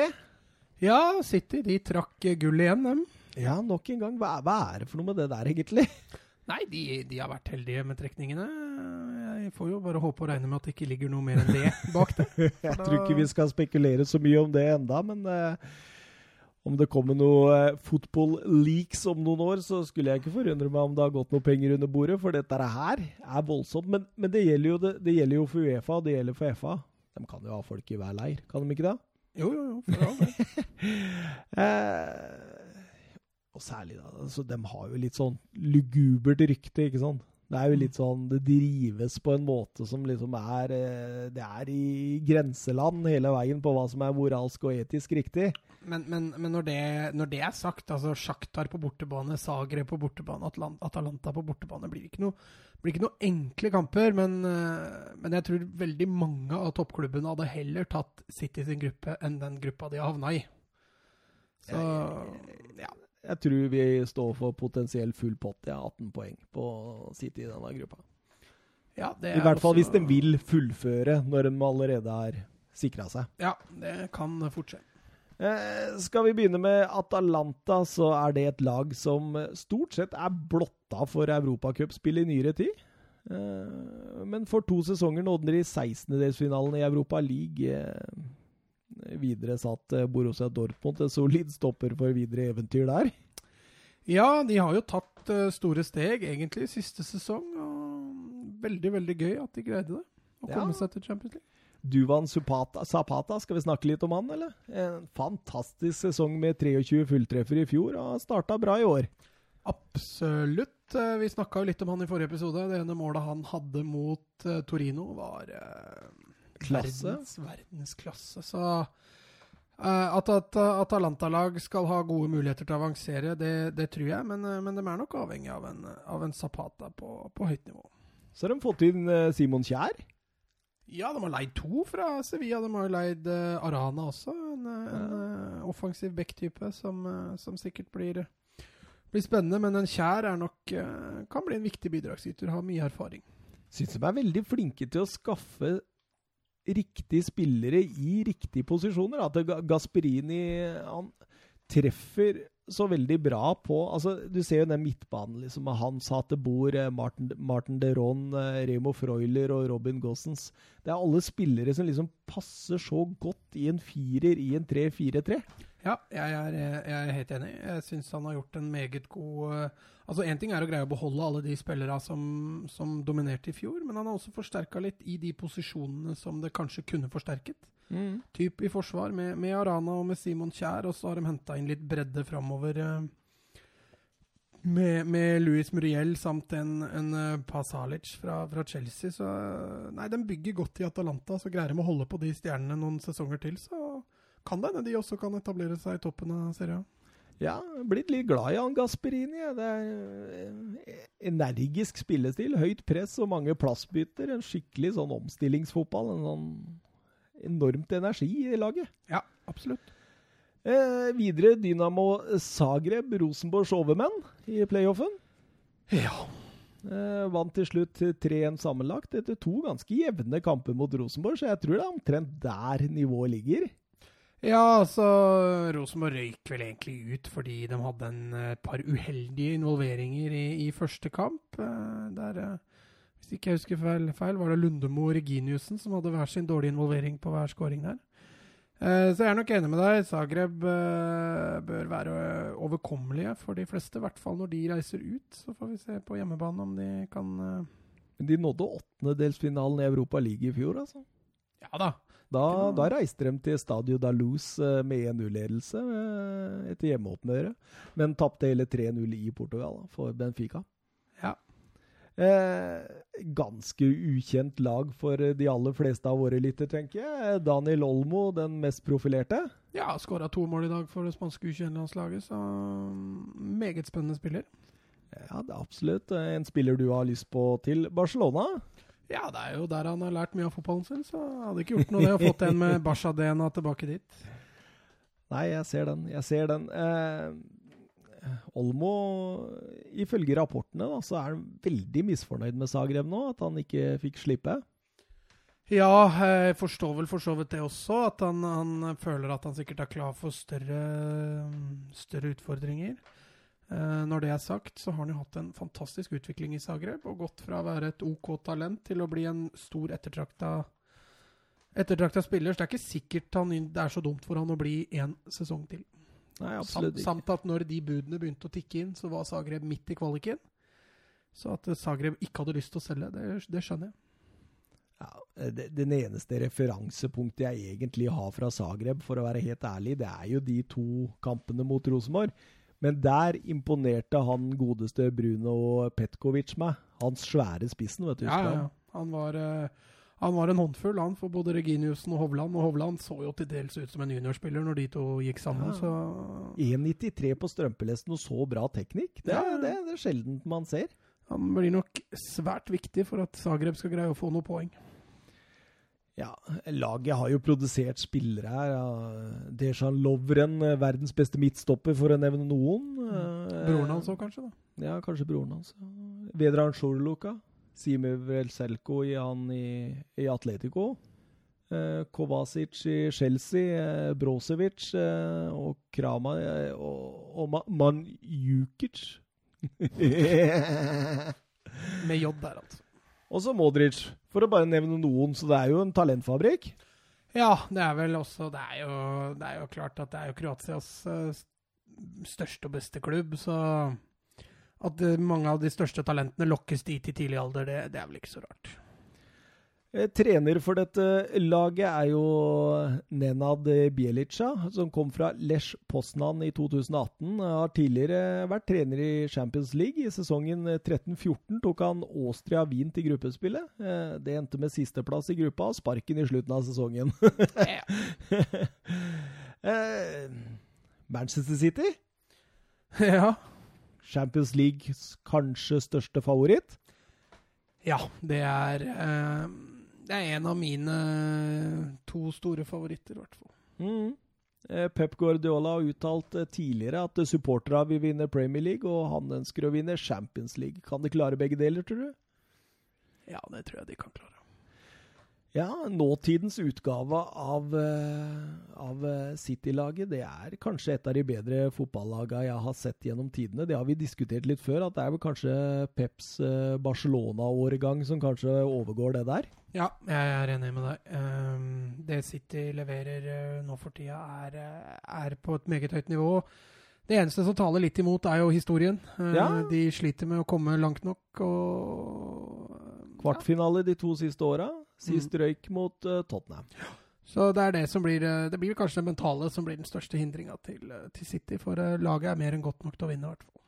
Ja, når jeg kikka gjennom stallene til alle laga, og sånt, så, så la jeg merke til det at det, det er ikke noe lag som ser bedre ut på papiret enn dette laget. Og når du da har en trener som Pep Guardiola, som veit hvordan du skal sy sammen dette, en taktisk klok trener Uff, jeg tror det blir tungt å stoppe dette maskineriet nå, men eh, fått litt skader nå. Laporte ute til godt ut i neste år. Ja, og det på en posisjon hvor vi allerede etterlyste forsterkninger. Mm. Ikke nødvendigvis inn for å, for å styrke Midtforsvaret, men for å ha bedre bredde. Så det er vel kanskje det som kan felle City, tror jeg. At det blir skader og suspensjoner på, på posisjoner hvor de ikke har den største bredden, og da først og fremst på stoppeplass. Ja, det, jo, det, det, det gjør dem litt mer sårbare. Og det samme med Leroy Sané. De har én mindre sånn offensiv kanon å, å kunne stole på. Eh, Pep Guardiola har jo vunnet eh, Champions League to ganger, begge med Barcelona. Nå begynner det å bli snart ti år siden, så han er nok ekstremt sulten på en ny tittel. Ja, så har han jo trent nå City. Det er vel fjerde sesongen han begynner nå på City, og han har hatt Bayern i fire sesonger uten å vinne, så han er vel gira på å vinne Champions League med også noe annet enn Barcelona, tror jeg. Jeg tror det, det, det står veldig høyt, tror jeg. Mm. Eh, skal vi videre til Sjaktar Donetsk? Ja, det har blitt en gjenganger, det òg. Ja, alltid med. Ja. Eh, men hvilken utgave man får se av det laget, det er ikke alltid like sikkert. Nei, de har jo gått både til åttendels- og kvartfinale tidligere, de uten uh, Og så har de også blitt slått ut av gruppespillet relativt klart, så det, det, det varierer veldig.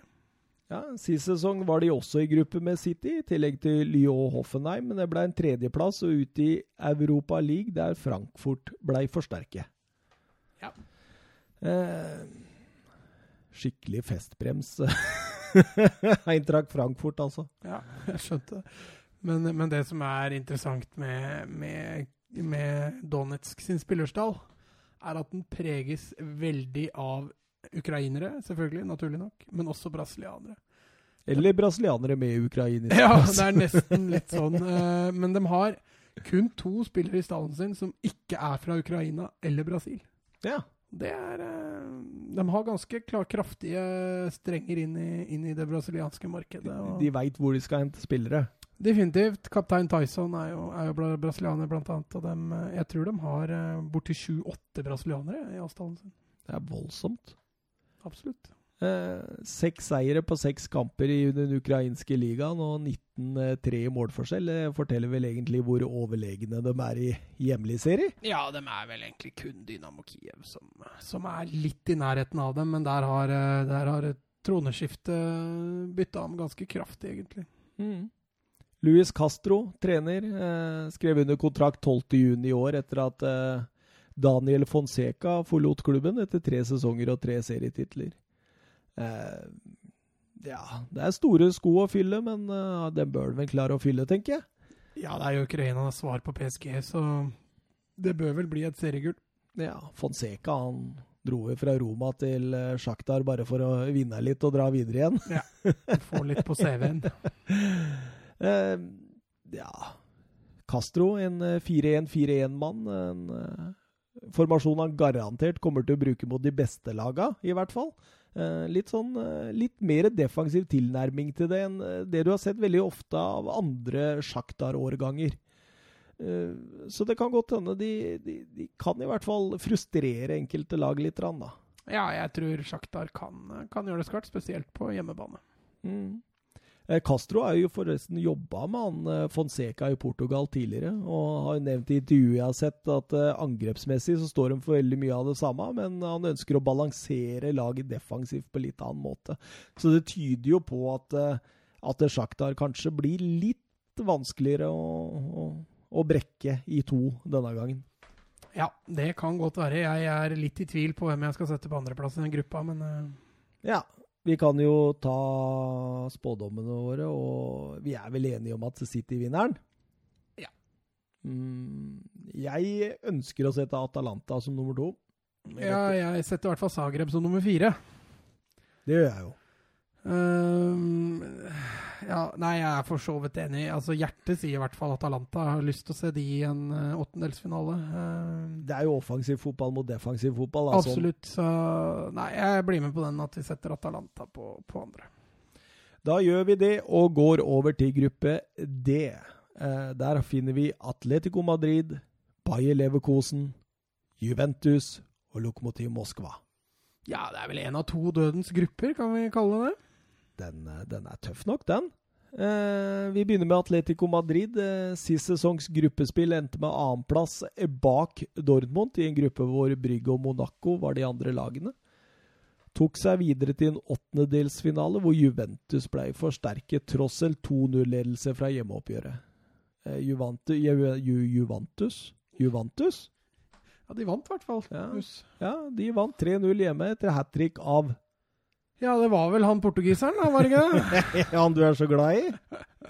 Ronaldo. Eh, Atletico er eh, for øvrig det laget som har kommet til flest finaler i Champions League uten å ha vunnet den. Ja, det høres riktig ut. Mm, tre ganger. Eh, spesielt eh, Madrid-derby i finalen i 2014 eh, tror jeg sitter litt i ennå. Ja, de, de, hold, de leda lenge, og så kommer Ramos opp og skårer, og så blir det ekstraganger, og, så, og så vinner jo Real Madrid stort til slutt. Men uh, fjorårssesongen var jo prega altså Hvis jeg ikke husker helt feil, så havna vel Dortmund og Atletico likt på, på antall poeng i fjor, men tapte på målforskjell etter mm. at uh, Dortmund hadde feid gulvet med, med Atletico Madrid på hjemmebane. og Det var et lite varsku på hva som venta Atletico Madrid uh, i fjorårssesongen. for de sleit på bortebane, spesielt mot de store lagene. og Det er noe de må rette opp i foran denne sesongen hvis det skal gå lenger enn en åttendelsfinale. Hvert fall. Ja, og hva passer bedre da enn et generasjonsskifte? Ja, absolutt. De har jo starta vast i, i, La Liga og leder vel den, som du sikkert skal påpeke etterpå. Men eh, nei, jeg har trua på Det er ikke det nå du har gjort det. Men jeg har trua på at Atletico både går videre og kommer litt an på de, hvem de møter i åttendel, selvfølgelig. Men, men, at en kvartfinale er innafor rekkevidde for dette Atletico-laget, det, det, tror jeg absolutt. Det er jeg helt enig med deg. Jeg syns de har henta litt sånn smart, litt lurt, eh, litt ungt. Og det ser ut som eh, Diego Simione også har fått litt mer piffen. Ja, du så det 3-2-skåringa mot Eibar. Han feira jo som han hadde vunnet både VM og, og, livet. Så han, uh, han, virker som han er litt tilbake igjen i gode gamle. Skrev under julaften 2011. Han har vært der lenge, han. Eller lillejulaften 2011, tror jeg det var. Ja, stemmer. Han er La Ligas lengstsittende trener, eh, sånn sammenhengende i hvert fall. Ja, og trenger egentlig ikke noe mer presentasjon? Nei, jeg tror de fleste kjenner til Mister Simione. Ja. Bayer Leverkosen, neste spennende. lag. Ja, det syns jeg er spennende. Eh, kan, eh, altså Det som i utgangspunktet er gruppas to favoritter, kan hende at Leverkosen greier å surre seg inn der. Det har vært litt morsomt, syns jeg. Ja, Kai Havertz. Kai Havertz, vet du. De fleste husker vel, eller har hørt om Zidane sin scoring i Champions League-finalen i 2002. Den har dunka inn på volley der. Det er vel ja. kåra til Champions League fineste, har ikke det? Jo, det kan godt Det har vært jeg så mange sånne kåringer uh, på forskjellige, så Ja, men jeg tror den offisielle, så tror jeg det var den. Ja. Uh, det ikke mange husker, er at det var mot Bayer Leverkosen. Uh, ja. Bayer Leverkosen hadde vel to finaler på rappen der, hvis ikke jeg husker rett feil. Var det da Ballak og de der der var? Ja, med, mm. med, ja, med Ballak og, og, gutta. Det var Hans-Jørg Butt, husker jeg i hvert fall. Ja, keeperen, ja. Sist eh, Leverkosen eh, var på besøk i Champions League, var i 16-17-sesongen. Da røyk de i 16-delsfinalen mot Atletico Madrid, så dette her er tid for revansj. Sist sesong eh, var det Europa League som gjaldt. En skuffende exit mot Krasjnodar i 16-delsfinalen. Er det som står og blinker i Europa for for Leverkosen uh, dette året. Et meget spennende et lag. og Vi kan jo snakke om Kai Havertz til vi blir blå i denne podkasten, men det faktum at han er en av Europas mest spennende offensive spillere, kan ingen ta fra han. altså. Nei, ja, han blir, eh, kommer til å bli svært viktig i det offensive også for Leverkosen i, i uh, årets uh, Champions League-sesong. Uh, kan fort bli en av de hva skal vi si, beste nykommerne. Ja, blir veldig morsomt å følge med. Leon Bailey, Amiri, Moussa Diaby, Kerim Demibai. Det er mye snacks der å glede seg til, altså. Ja, også en Kevin Volan som sikkert skal stå for målene, og en Jonathan Ta som riktignok surrer det til mot, uh, mot, Nederland, men Det går ikke en podcast-episode ut av du det jevne Jonathan Ta. Vi tar med Ta, og så tar vi med Bender defensivt, og så kan vi også ta med at de har uh, to nordiske bidrag i, i finner, faktisk. Mm. Keeper, keeper Lukas Eh, Radeski og, Poyan Palo, som, eh, som eh, Noe som tilsier meg at det blir ikke mye spilletid på dem? Uh, nei, det kan godt hende det ikke blir, men godeste Radeski har vel fått litt spilletid, tror jeg. Ja. Peter Bosch, trener, tok over i likhet med Diego Simione over på lille julaften.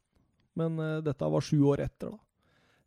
Heiko Herlich fikk jo sparken etter en haug av dårlige resultater. og og han har jo nesten blitt avskilta som trener, vet du, for Bayer Leverkosen gikk jo ut og sa at uh, det var pga. store taktiske mangler og, lederegenskaper som gjorde at de måtte bli kvitt den. Han har ikke fått jobb siden, stakkars.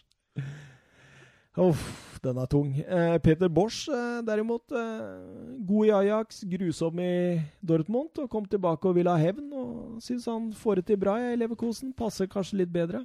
Ja, han har i hvert fall starta denne sesongen OK også. Har som sagt havna i en veldig kjedelig gruppe i Champions League med tanke på at uh, de har nok ikke så store muligheter til å gå videre, tror jeg. Men, men de har noen X-faktor-spillere som, som, kan skape litt trøbbel for, uh, for de to favorittene. Som er neste lag, Juventus. Ja. Regner med at det var en av de to favorittene. Ja, stemmer. Den gamle damen eh, skal plukke opp hansken denne sesongen, tror jeg. Ja, de har vært aktive, i hvert fall. Mm, absolutt. Og jeg tror nå, nå, nå, satser de alle kluter på å vinne dette trofeet. Og det er jo en av Ja, det er en av, en av hovedfavorittene, vil jeg si. Ja, jeg har dem som en outsider. Du har en jeg har to favoritter som jeg mener er såpass større enn de andre at uh, Hvem er det? City og Liverpool. såpass? Liverpool, altså? Ja, Liverpool. Vi kan diskutere litt seinere. Ja, ja, ja, jo, nei. Åh. Her konkluderte dere fort. Ja, jeg syns det er tungt. Eh, I eh, Serie A har eh, Juventus starta veldig bra. Seks av seks mulige, og er godt i gang på sin åttende Scudetto-jakt på rad. Ja, seks av seks, da mener du poeng? Ja, da mener jeg poeng. Seks av seks mulige poeng. Eh, ny trener, nye spillere i importen. Eh, Henta for eh, 188 euro, til tross for at man fikk både Ramsey, Buffon og Rabiot gratis. Ja. Eh, største signering, Mathis de Licht. Han har vi diskutert til vi blir blå i denne podkasten, så vi får eh, la han få litt tid, tenker jeg. Ja. Eh, Kelini korsbåndet, så det kan jo fort bli litt tid på nå, tenker jeg. Ja, de har jo riktignok godeste Rugani, og de har Bonucci, og så har de, hva heter han siste, Demiral. Demiral så de, har, de, er egentlig veldig godt forspent på stopperen.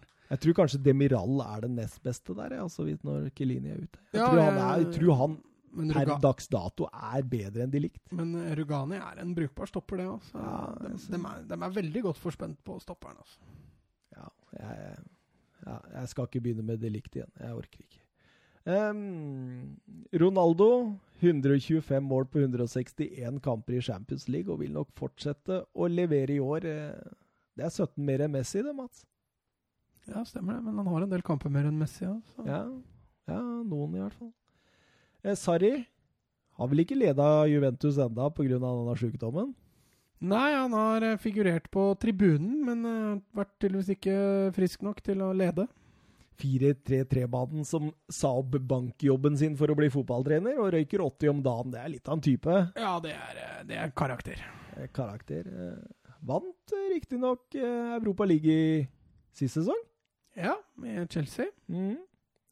Så mannen veit jo hva han driver med. Ja, tok jo også en tredjeplass i Premier League, så det var, det var egentlig imponerende den sesongen han endte opp med å få der.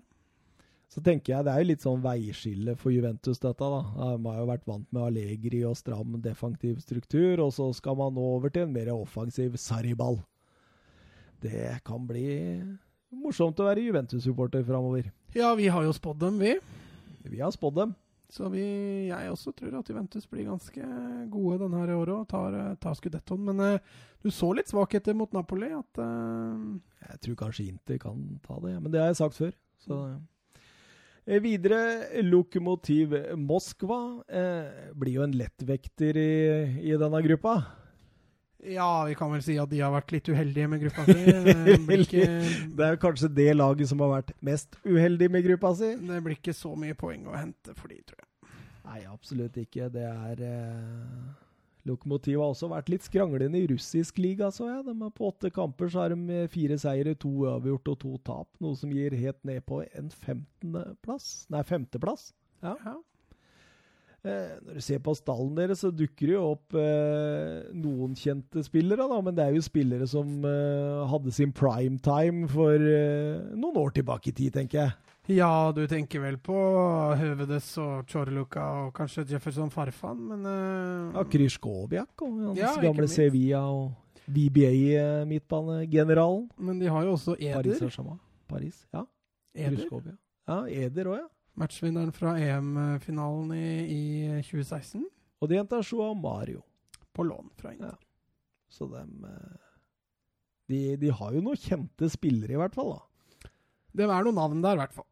Eh, Smolov òg. Har ikke han vært innom eh, russisk eh, landslaget litt i sånne mesterskap og sånn? Jeg husker det. Fjodor Mo- Smolov. Ja, det kan godt hende. Eh, trener Juri Semin eh, Han heter sikkert Semin, sikkert. Eh, Russisk eh, Veldig dårlig på russisk. Rutinert trener. Runda 73 årer. Så han er pensjonistalder, han òg, altså. Eh, voldsomt òg. Eh, vært spiller for klubben, har vært president for klubben, og er nå i sin fjerde periode som trener for klubben. Han brenner, i hvert fall. Han brenner for klubben. Ikke, ikke til å legge under en stol, det. Eh, første gang han var manager for klubben, det var i 1986. Hvor mange år var du da? Én. Én år. Ja.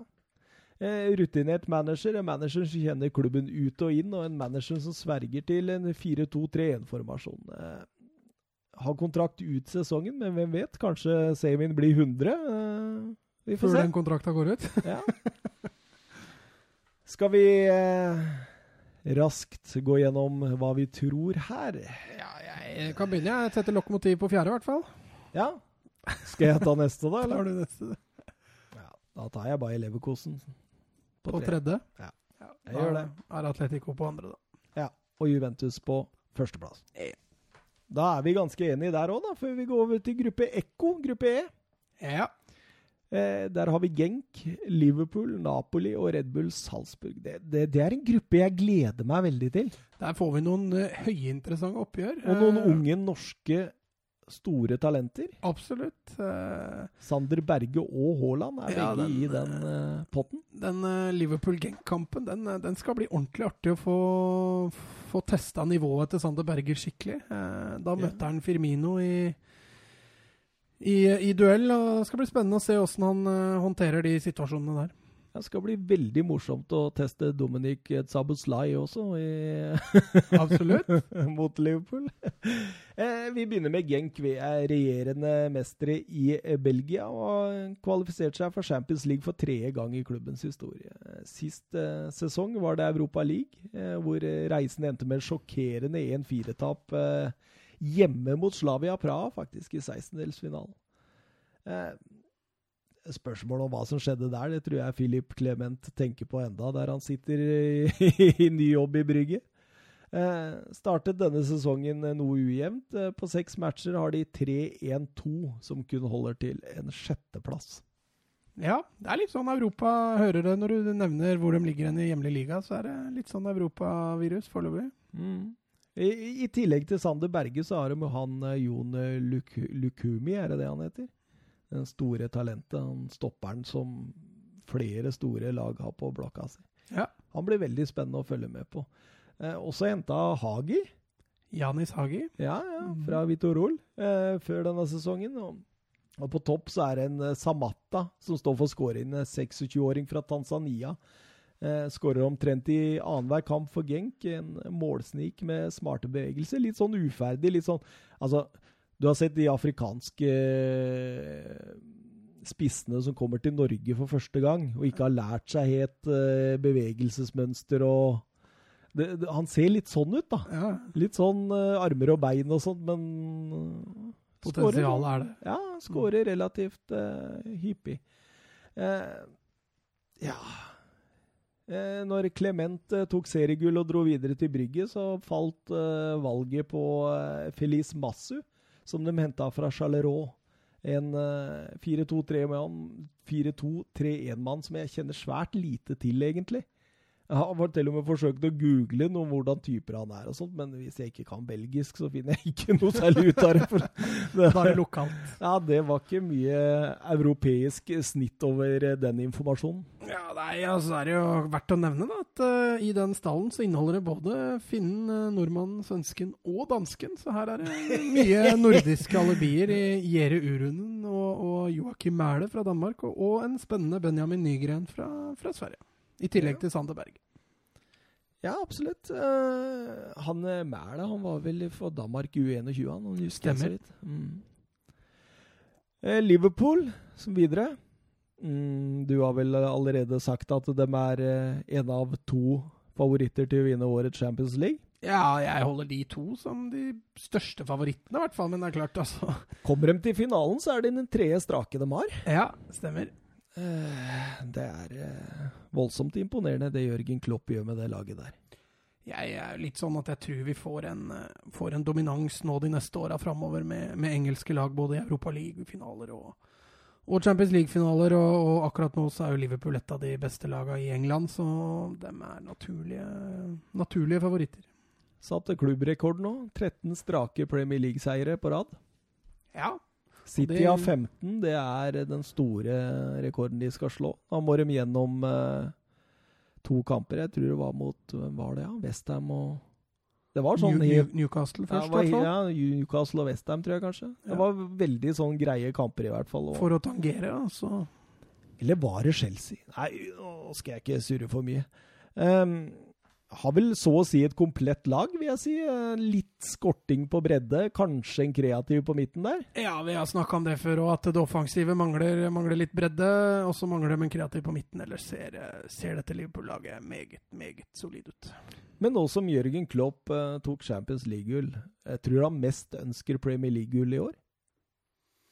Kan hende at det er det som gjør at han prioriterer eh, Premier League framfor eh, Champions League i år. Eh, samtidig så er det noe vanskelig, tror jeg, å prioritere bort en så stor turnering som Champions Mm. League. Så får vi se når, når vi kommer til april, mars-april, om Liverpool kjemper om dette Premier League-trofeet, eller om de er, er for langt bak. Ja. Nei, det blir spennende å se. Eh, ja Premier League-gull eh, Jeg tror Liverpool-supportere tørster etter det. Altså, for det er liksom det Manchester United har på dem. Ja. De er vel Er de to, eller er de ett seriegull bak? Det er en eh, statistikk jeg ikke har uh, sjekka opp før, i hvert fall. Men Nei, eh, for Liverpool har vel 18? ja, de leda lenge før Ja. denne Alex Ferguson-hegemoniet. Altså, United synger 20 times, 20 times, synger jo fansen der. Ja, så da er det to seriegull. Ja. Eh, Rune var jo, ymta jo bort på at eh, Jørgen Klopp kommer til å ta over det tyske landslaget i 2021, så han har jo dårlig tid på seg hvis han skal vinne dette Premier League-gullet. Ja, 2021, ja. Hvis det, det er i så fall en dårlig år å ta over på, da, for det er jo midt i en kvalik. da, i så fall. Så jeg tipper jo Løv sitter til enten 2022, eller at han gir seg etter det kommende EM-et. Men vi får se. Eh, Klopp ville vel kanskje vært en naturlig arvtaker på det tyske landslaget. Ja. Vi eh, rusler videre, og vi rusler videre til Red Bull Salzburg. De får lov å kalle seg Red Bull. Ja, Litt andre regler i Østerrike, Ja, ja, det er ikke noe gressplensport uh, Leipzig der. Det er mye kunstgress. Ja, absolutt. Uh, endelig, tenker Red Bull eh, Salzburg-fansen. Etter ni mislykka kvalifiseringer for å, for å komme til Champions League, klarte de det endelig, og kan smykke seg med gruppespill for første gang siden 94-95-sesongen. Åh, det må være deilig som supporter. Ja, og spesielt når det satses så hardt, så var det vel på sin plass. Absolutt. Han starta også sesongen glimrende i hjemlig serie med seks seier av seks mulig og 27-4 målforskjell. Og en uh, Erling Braut Haaland på toppskårerlista. Ja, han dominerer. Han dominerer. Eh, et av lagene jeg personlig gleder meg til å se mest av i Champions League. Det er litt sånn fotballnerdete og litt sånn hipster å si, kanskje, men eh, jeg, jeg, jeg, jeg, jeg digger eh, poweren til Haaland. Jeg digger eh, elegansen til Saboslai. Og jeg har veldig lyst til å se de to sammen på fotballbanen. Jeg tror det blir gøy. Ja, jeg er helt enig med deg, egentlig. Jeg tror Salzburg, Salzburg, eh, i hvert fall på hjemmebane, selv mot de store, kan eh, yppe litt. Men tror de kommer til å savne Dabor? Absolutt. Jeg tror det. Det, det tror jeg er et uh, stort savn. Nå har ikke han fått prøve seg noe særlig i Sevilla ennå, men, eh, men en Haaland har foreløpig gjort det savnet ganske lite. Mm. Absolutt. Eh, av Maximilian Wøber, var han en del av den Dabor-avtalen, eller? Å, så godt kjenner jeg ikke til det, men, eh, men um, Wøber ble jo klar for Salzburg etter at ble ja. Dabor ble klar, så Ja. det var, eh, da var det i så fall noe som kom på plass seinere. Kan ha vært noe muntlig i Ja. den første overgangen. Det var litt sånn som eh, Sillesen og Neto i Barca, hvor eh, den ene overgangen ble klar mye før den andre, selv om alle visste at det skulle skje. Ja. Eh, veldig spesielt, eh, spesiell og morsom trener, egentlig. Jesse Martz, eh, en amerikaner som kom gjennom Red Bull-systemet. Eh, signerte for eh, New York Red Bulls. og Turen gikk videre til assistentrolle for Alf Ragnhild i Red Bull Salzburg, Mm. før han tok over ansvaret for Red Bull. Det er blitt mer og mer vanlig Ja, at eh, assistenten tar over. Ja, men altså, At det da går den skolen da, fra New York til Leipzig til Salzburg, det er ganske artig. Eh, 4-3-3-mann eh, skal visst være ekstremt god taktisk. Veldig sånn taktisk eh, trener. Eh, gjøre justeringer og har gått litt sånn eh, Ralf Ragnhild-skolen i et år nå. Ja. Eh, så skulle de først miste Marco Rose til Borussia Mönchengladbach, så tror jeg den, det, er, det er en god ansettelse. Kanskje jeg skal skrive en melding til Haaland og spørre hvordan han er? Svarte han på forrige melding? eller? Jeg- var inne og kikka i stad, og jeg er jo ikke så mye på dette Instagram, jeg, vet du. Men uh, da sto det at det var seks uker siden jeg skrev meldingen, og han har ikke åpna den engang. Nei, men han har hatt mye å gjøre i det siste, da. Ja, absolutt. Uh, han, eh, han har vel annet å gjøre enn å svare på, på spørsmål fra folk. Ja, det er ikke sikkert du er den eneste som har sendt melding. Men du tror ikke det? Nei, jeg tror ikke det. Nei, ok. Eh, Napoli eh, deltar for åttende gang i historien, og det er det første eh, det, det, det, det, Hva er det jeg skulle fram til? At det er, det er først nå, i det nyere tid, de har liksom blitt regelmessig. Det er jo ikke et lag du forbinder med Champions League.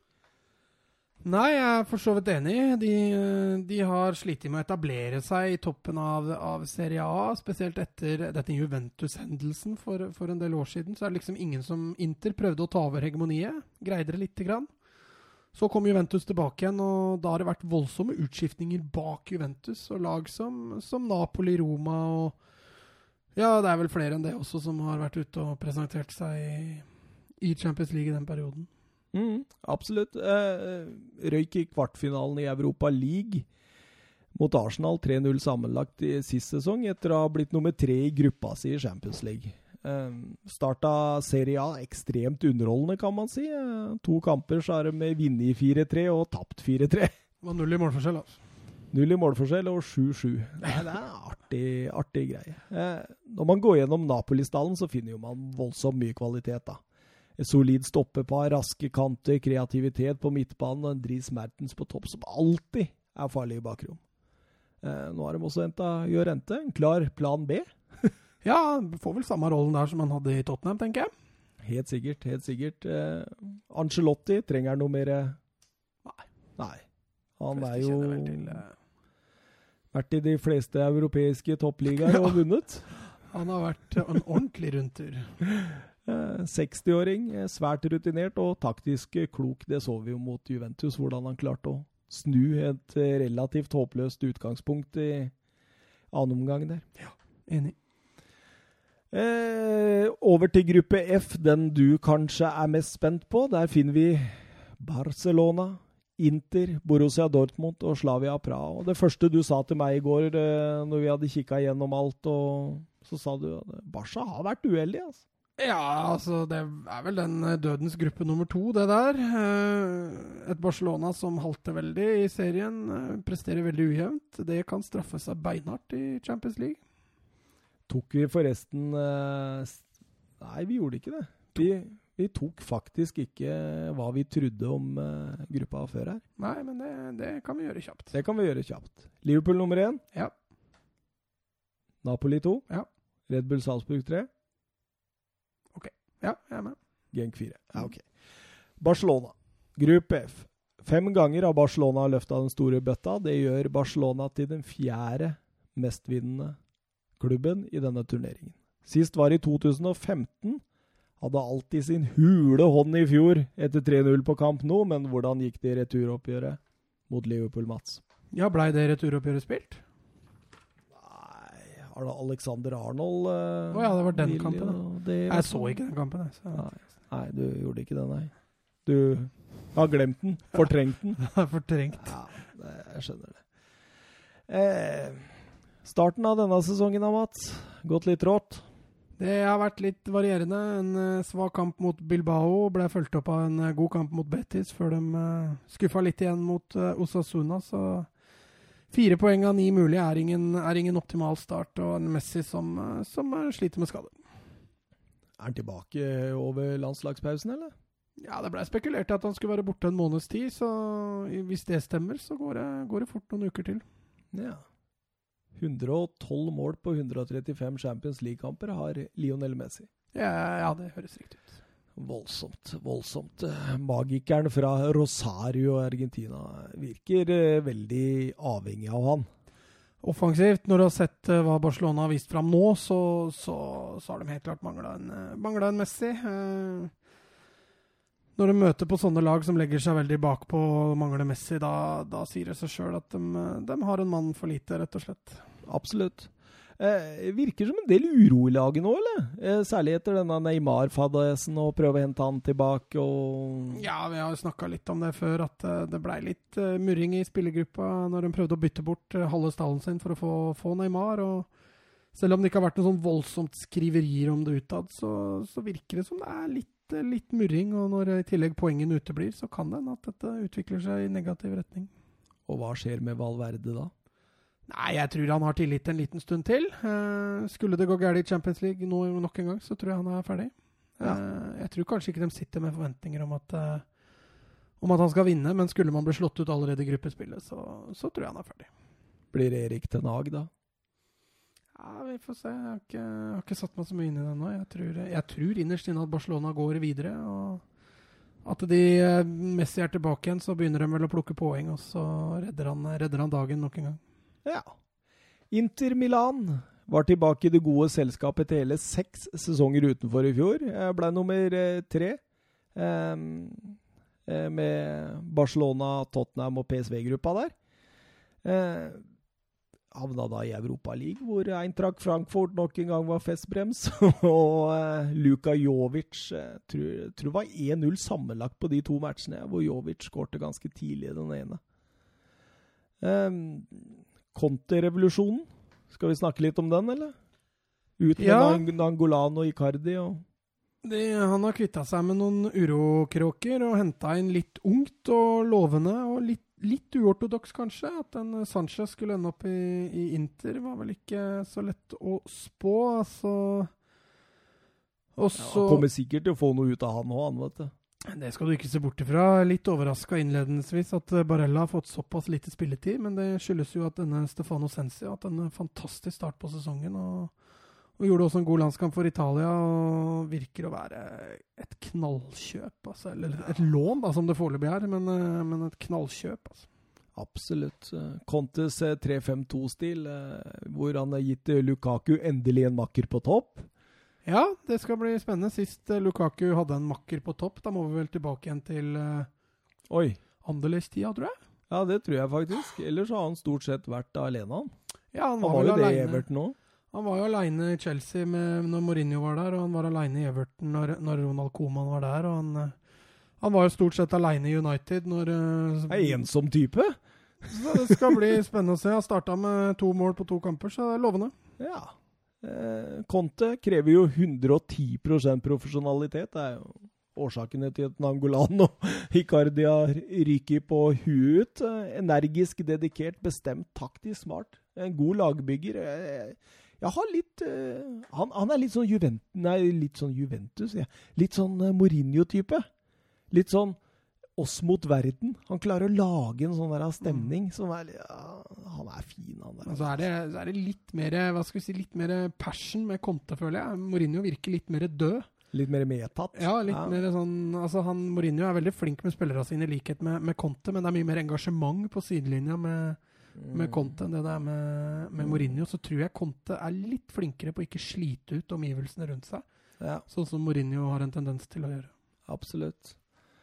Eh, Borussia Dortmund, tredje store lag i denne gruppen. Eh, to ganger har de kommet til Champions League-finalen og endt med ett tap og én seier. Seieren kom i 97, da de slo Juventus i München, eh, mens tapet var mot eh, Bayern München for en ja, fem-seks sesonger sia. Eh, sist røyk ut i åttendedelsfinalen med 0-4 sammenlagt mot Tottenham. Eh. Jaden Sancho, vi har jo snakka så mye om han nå. Han, jeg ser han har putta litt for det engelske landslaget i kveld òg. Ja, han eh, noterte seg for to mål. Eh, I kveld eh, et, eh, en Sancho Dortmund blir veldig, veldig avhengig av hvis de skal greie å ta seg videre her. På de tre første kampene til Dortmund i, i Bundesliga nå, så har han faktisk to mål og tre assist. Ja, men eh, det er som jeg sier, en, en Sancho blir de veldig avhengig av. Skulle han bli skada eller borte, så, så kommer både muligheten til å vinne Bundesliga og muligheten til å avansere til gruppespillet i Champions League tror jeg ryker med han. Ja, det tror jeg òg, faktisk. Derfor var det jo veldig viktig at de klarte å beholde den. da. Så Manchester United sikla etter den her. Ja, og sånn han har starta nå, med både for England og, og for Dortmund denne sesongen, også, kan den, den interessen øker ytterligere til neste overgangsvindu, i hvert fall. Ja, Det blir vanskelig for dem å holde på den snart. Dette. Ja. Blir det. Eh, trener Lucien Favre, en eh, 4-2-3-1-trener som kom til Dortmund før fjorårssesongen. Han kom fra NIS, eh, rutinert sveitser som umiddelbart fikk eh, chick eh, Chick? Skikk? Skikk, heter det det? Skikk? Skikk? skikk. Han fikk skikk på eh, Dortmund. Eh, ja Mista det litt eh, på slutten av sesongen. og Bayern tok over eh, hegemoniet igjen. Ja, de, de hadde jo en fantastisk høstsesong. Eh, Skaffa seg egentlig en ganske solid luke. Gjorde det også bra i, i Champions League, der de vant gruppa si i fjor på, med, lik, med, med, på bedre målforskjell enn Atletico Madrid. Og Fallet begynte vel med tapet mot Spurs der i, de i hadde vel allerede altså, i, Begynt så vidt da. I Bundesliga hadde de jo Ja. begynt. Eh, jeg sa jo også det at jeg tror Dortmund kan slå Tottenham eh, etter at de, de trakk dem. Men, eh, Ja, du så- trodde det? Jeg, Jeg husker Det. Ja. Jeg var helt sikker på at Tottenham gikk videre, husker jeg. ja. Som vanlig. Som vanlig. Ja.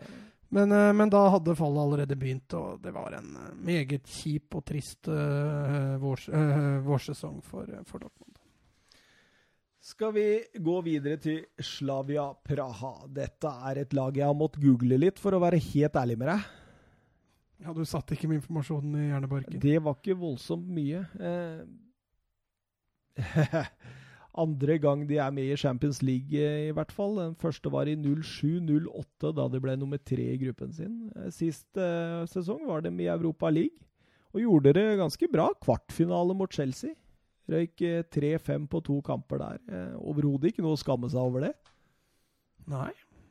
Eh, virker også øh, Sjekka tabellen i tsjekkisk fotball der. eh, På åtte kamper har de seks seier og to uavgjort. og Ser ut som de har god kontroll. Ja, jeg tror nok de eh, er et OK lag, men har havna i en kjip gruppe som gjør at de, de plukker nok eh, svært lite poeng. og Ja, jeg tror de plukker null poeng. Det kan eh, fort vekk eh, skje. Eh, De er også i den situasjonen hvor de vet at de store lagene vet at dette er et lag de må plukke seks poeng mot hvis de skal Mm. ha mulighet til å gå videre. Og, og det gjør at de nok ikke møter lag Altså Ingen av storlagene kommer til å hvile spillere mot, uh, mot dem heller, fordi de trenger de poengene. Med mindre de møter et lag som allerede er sikra, så tror jeg de kan få en, uh, få en tøff, tøff uh, høstsesong i Champions League. Altså. Ja. Gikk gjennom stallen deres òg. Det var ikke Altså, jeg som er såpass fotballnerd, hadde bare hørt om to spillere. Jeg hadde hørt om Josef eh, Hosbauer, eh, som var veldig god sist sesong. Eh, så han også litt i den ene Chelsea-kampen. Og så har jeg vært litt innom han defensive midtbanespilleren Thomas Sorcek, som er en ganske habil fotballspiller som har vært linka til flere Serie A-klubber. Ellers så er stort sett resten av det laget der helt uh, Det er som Per og Pål og Espen Askeladd på i Oslo by, liksom. Jeg kjenner ikke til det. Nei. Nei, Jeg er helt enig. Jeg har også titta litt på stallen. Der er det ikke mye kjente, kjente personligheter. Og vil nok være avhengig av et knallsterkt kollektiv hvis de, skal, eh, hvis de skal greie å få med seg noen resultater, i hvert fall. Ja, og i likhet med laget så googla jeg treneren. Uh, Veit ikke om jeg skal prøve meg på uttalelsen engang. Jindrish uh. Eh, ansatt eh, før fjorårssesongen, eh, og må sies å ha oppnådd umiddelbar suksess med seriegull og kvartfinale i Europa League og kvalifisering til Champions Leagues gruppespill. Det må jo sies å være bra. Ja, har gjort det på et drøyt år, så, så har han gjort en meget god jobb. Og som du sier, så leder de jo Nei, leder, sier jeg. De har starta meget bra i tsjekkisk liga òg, så Han, eh, han sitter nok ganske trygt foreløpig, i hvert fall. Ja, ellers ikke så mye mer på det store internettet å finne om han. Eh, en 4-2-3-1-mann står det på eh, Transfermarkt. Ja, han, men han, han leder vel den klubben i den gruppa som, som er minst interessant for, for den norske mannen i gata, holdt jeg på å si. Skal vi eh, tippe? Ja. Vi har vært litt sånn ufordragelig enige eh, så langt. ja, da begynner jeg med Slavia Praha i bånn. Ja, Er ja der, er jeg, der er jeg enig. Så, Men så jeg, blir det litt spennende. så har jeg Dortmund som nummer to. Nei, nummer tre. Det har jeg òg. Og så har jeg Inter som nummer to. Nå har jeg lyst til å være uenig med deg. Barca som nummer to. Og jeg har Barca som nummer én. Nei, Inter som nummer én. Jeg har veldig tro på Inter! Altså, Utfordringa til begge de to klubbene er hva de gjør på bortebane, og selvfølgelig hva de gjør innbyrdes. Jeg tror Barcelona kommer til å vinne alle kampene sine hjemme. Eh, og så vinner de borte mot Slavia Praha. Det, eh, det tror jeg. Og så blir spørsmålet hvordan resultatet blir på Giuseppe Meazza Inter mot Barcelona. Mm. Det blir en spennende gruppe.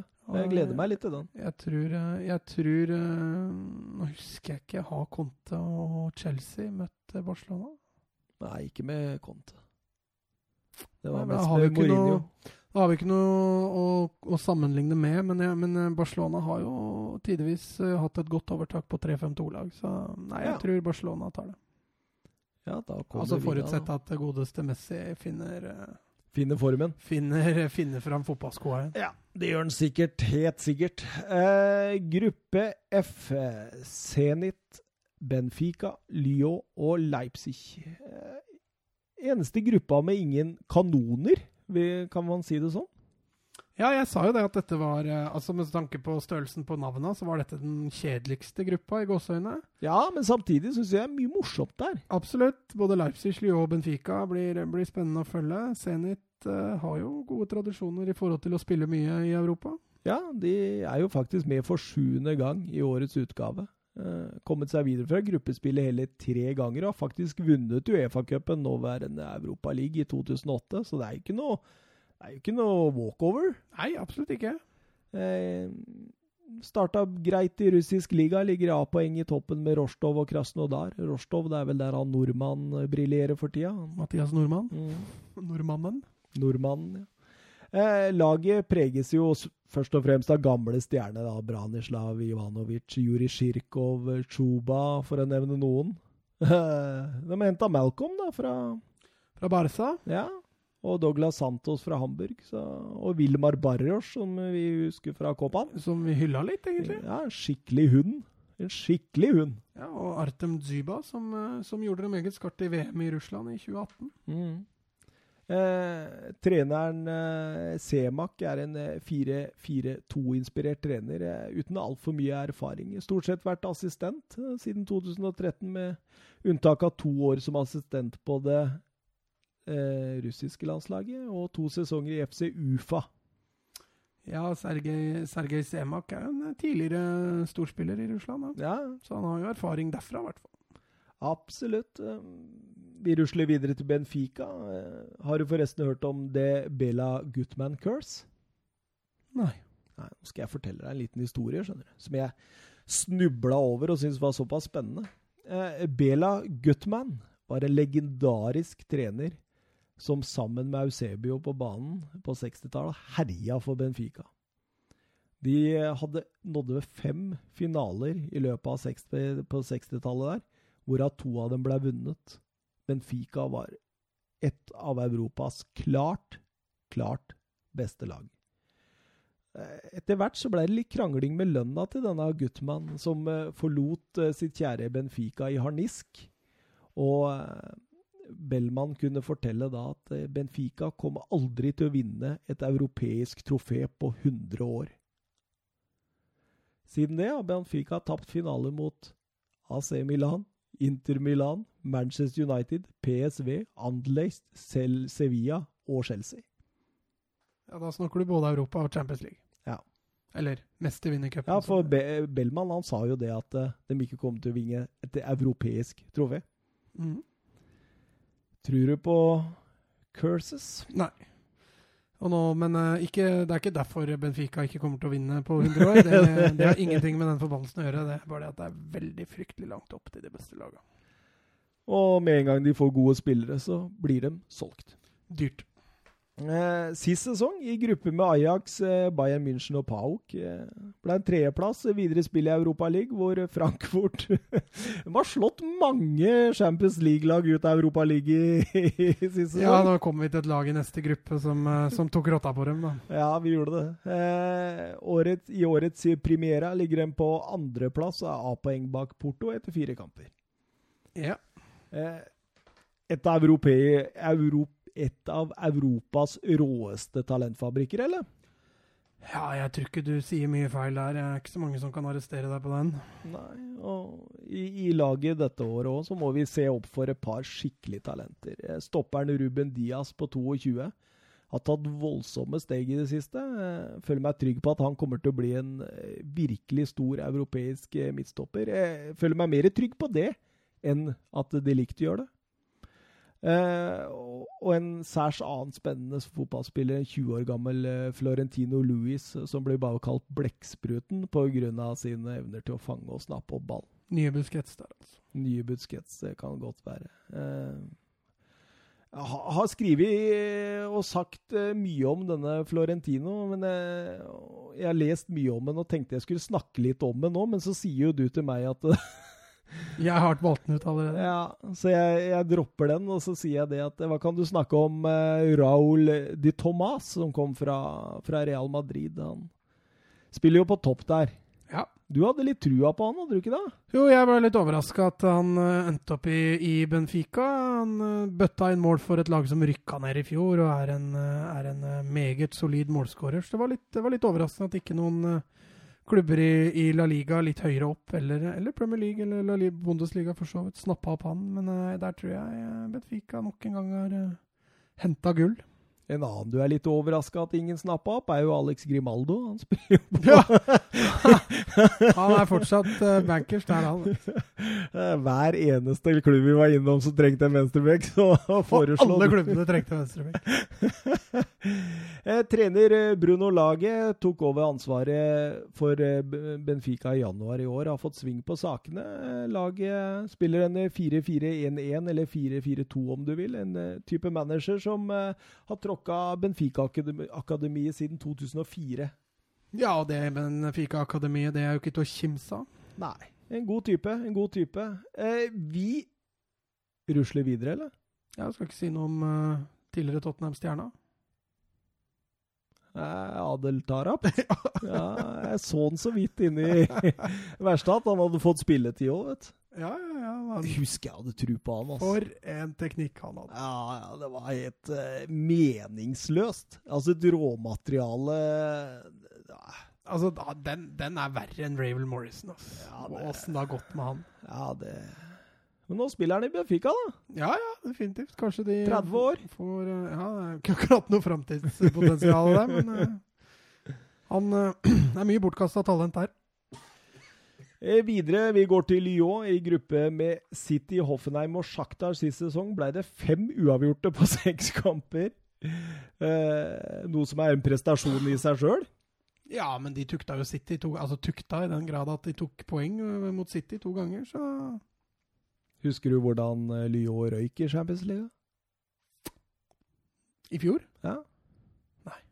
Det var et stygt, stygt 5-1 bortetap mot Barcelona i åttendedelsfinalen, som la grunnlaget for det. Å ja. Og jeg trodde du mente at de røyk i gruppespillet. Nei da, de Nei, kom videre ja, i gruppespillet. ja, Det husker du vel? Jo, det var det jeg mente, men når du prata først om gruppespillet, så tenkte jeg fader, røyk de i gruppespillet? Da måtte jeg, For ikke drite meg, så turte jeg ikke å si så mye. Satt deg rett og slett skikkelig på prøve. Nei, det stemmer det. Barca fikk, eh, fikk sving på det der. Ja, de gjorde det. I likhet med Benfica, en talentfabrikk, kan vi si det sånn. Absolutt. Solgt unna spillere før denne sesongen. En Dombele, en Mendy og en Fekir. eh, Men henta inn et stoppertalent i Joakim Andersen eh, fra Hvor var de henta fra? Sampdoria? Sampdoria. Ja. De har jo, de har jo massevis av fortsatt unge lovende, som vi allerede har vært inne på, i Lucas Tossar og, og Avar, som, eh, som er meget spennende. ja, Maxwell Cornet og Musa Dembélé òg. Ja, ja, absolutt. Spennende, en, spennende typer. De har egentlig flere, så uten at vi behøver å gå innom alle.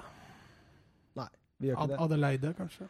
Ja, absolutt. Uh, Sylvinio trener. Han Ja. husker du fra Arsenal og Barca-tida. Det gjør jeg, vet du. Venstreback, solid, det. Mm. Uh, første jobb som hovedtrener har stort sett hatt uh, assisterende roller og tekniske direktørroller i Inter og, og Brasil. En eh, 4-3-3-mann med kjærlighet for det offensive. Uh, Venstrebekk med offensiv kjærlighet. Ja.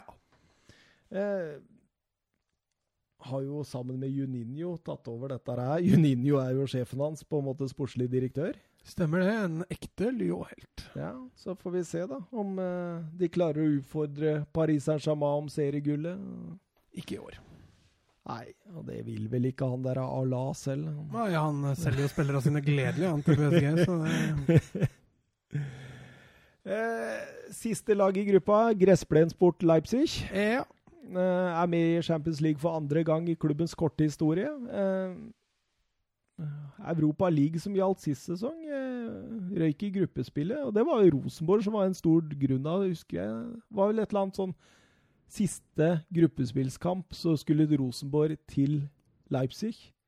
Rosenborg hadde null poeng, og Leipzig måtte forbi Celtic. Og med seier mot Rosenborg hadde de klart det. Men Rosenborg skårte nesten på slutten der med Tore Reginussen, tror jeg. ja, stemmer det. Det er litt funny. Det er litt funny. Det...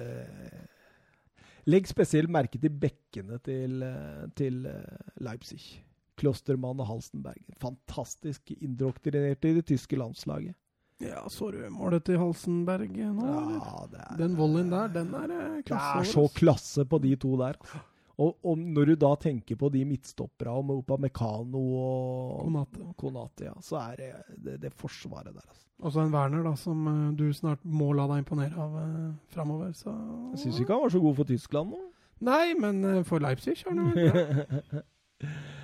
Eh, Julian Nagelsmann, mannen som skal ta Leipzig eh, et steg enda nærmere toppen. Ja. I en alder av 32 må jo det sies å være et av verdens største trenertalenter, men da, vi har jo snakka så mye om den. Ja, altså, når det gjelder Tyskland, så, så har vi vel han Så har vi Leipzig bak både Dortmund og Bayern München, men, eh, men vi får se om han greier å tette noe av det forspranget de hadde i fjor. Visste du at han gikk eh, skolen til Thomas Tyschel i Augsburg? At han var i Augsburg før han gikk til Nei, altså under Ja, læra til ja, ja. Tyschel. Stemmer det? Ja. Han har også eh, sagt at treneryrket er 30% taktikk og 70% sosial kompetanse. Det er litt sånn Ja, men det, det er jeg faktisk ganske enig med han i. Det å ha, være på god talefot med spillerne dine, det, det tror jeg er viktig i forhold til at de skal yte bedre for, for deg og for det du har å presentere. Hva tror vi om gruppa, da? Ja, den der er litt kinkig. Det er vel den gruppa man har slitt mest med å finne en god rekkefølge på. Jeg eh, starter med å sette Zenit i bånn. Ja, om ikke Benfica? Ja, tror du Benfica havner nederst? Nei, Zenit. OK, jeg er enig. Zenit. Så er jeg Benfica. OK?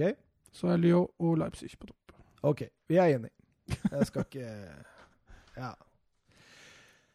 Gruppe hotell. Gruppe Siste gruppe H. Mm. Siste gruppe H. Ja, det er den siste, det. Og der har vi Lill, Valencia, Ajax og Chelsea. En ganske åpen gruppe, eller? Nok en åpen gruppe? Ja, altså med tanke på det Chelsea har prestert i innledninga, så kan det jo hende de klarer å avvise noen poeng, men jeg, men jeg holder jo Chelsea som, eh, som en eh, ganske stor favoritt. Altså.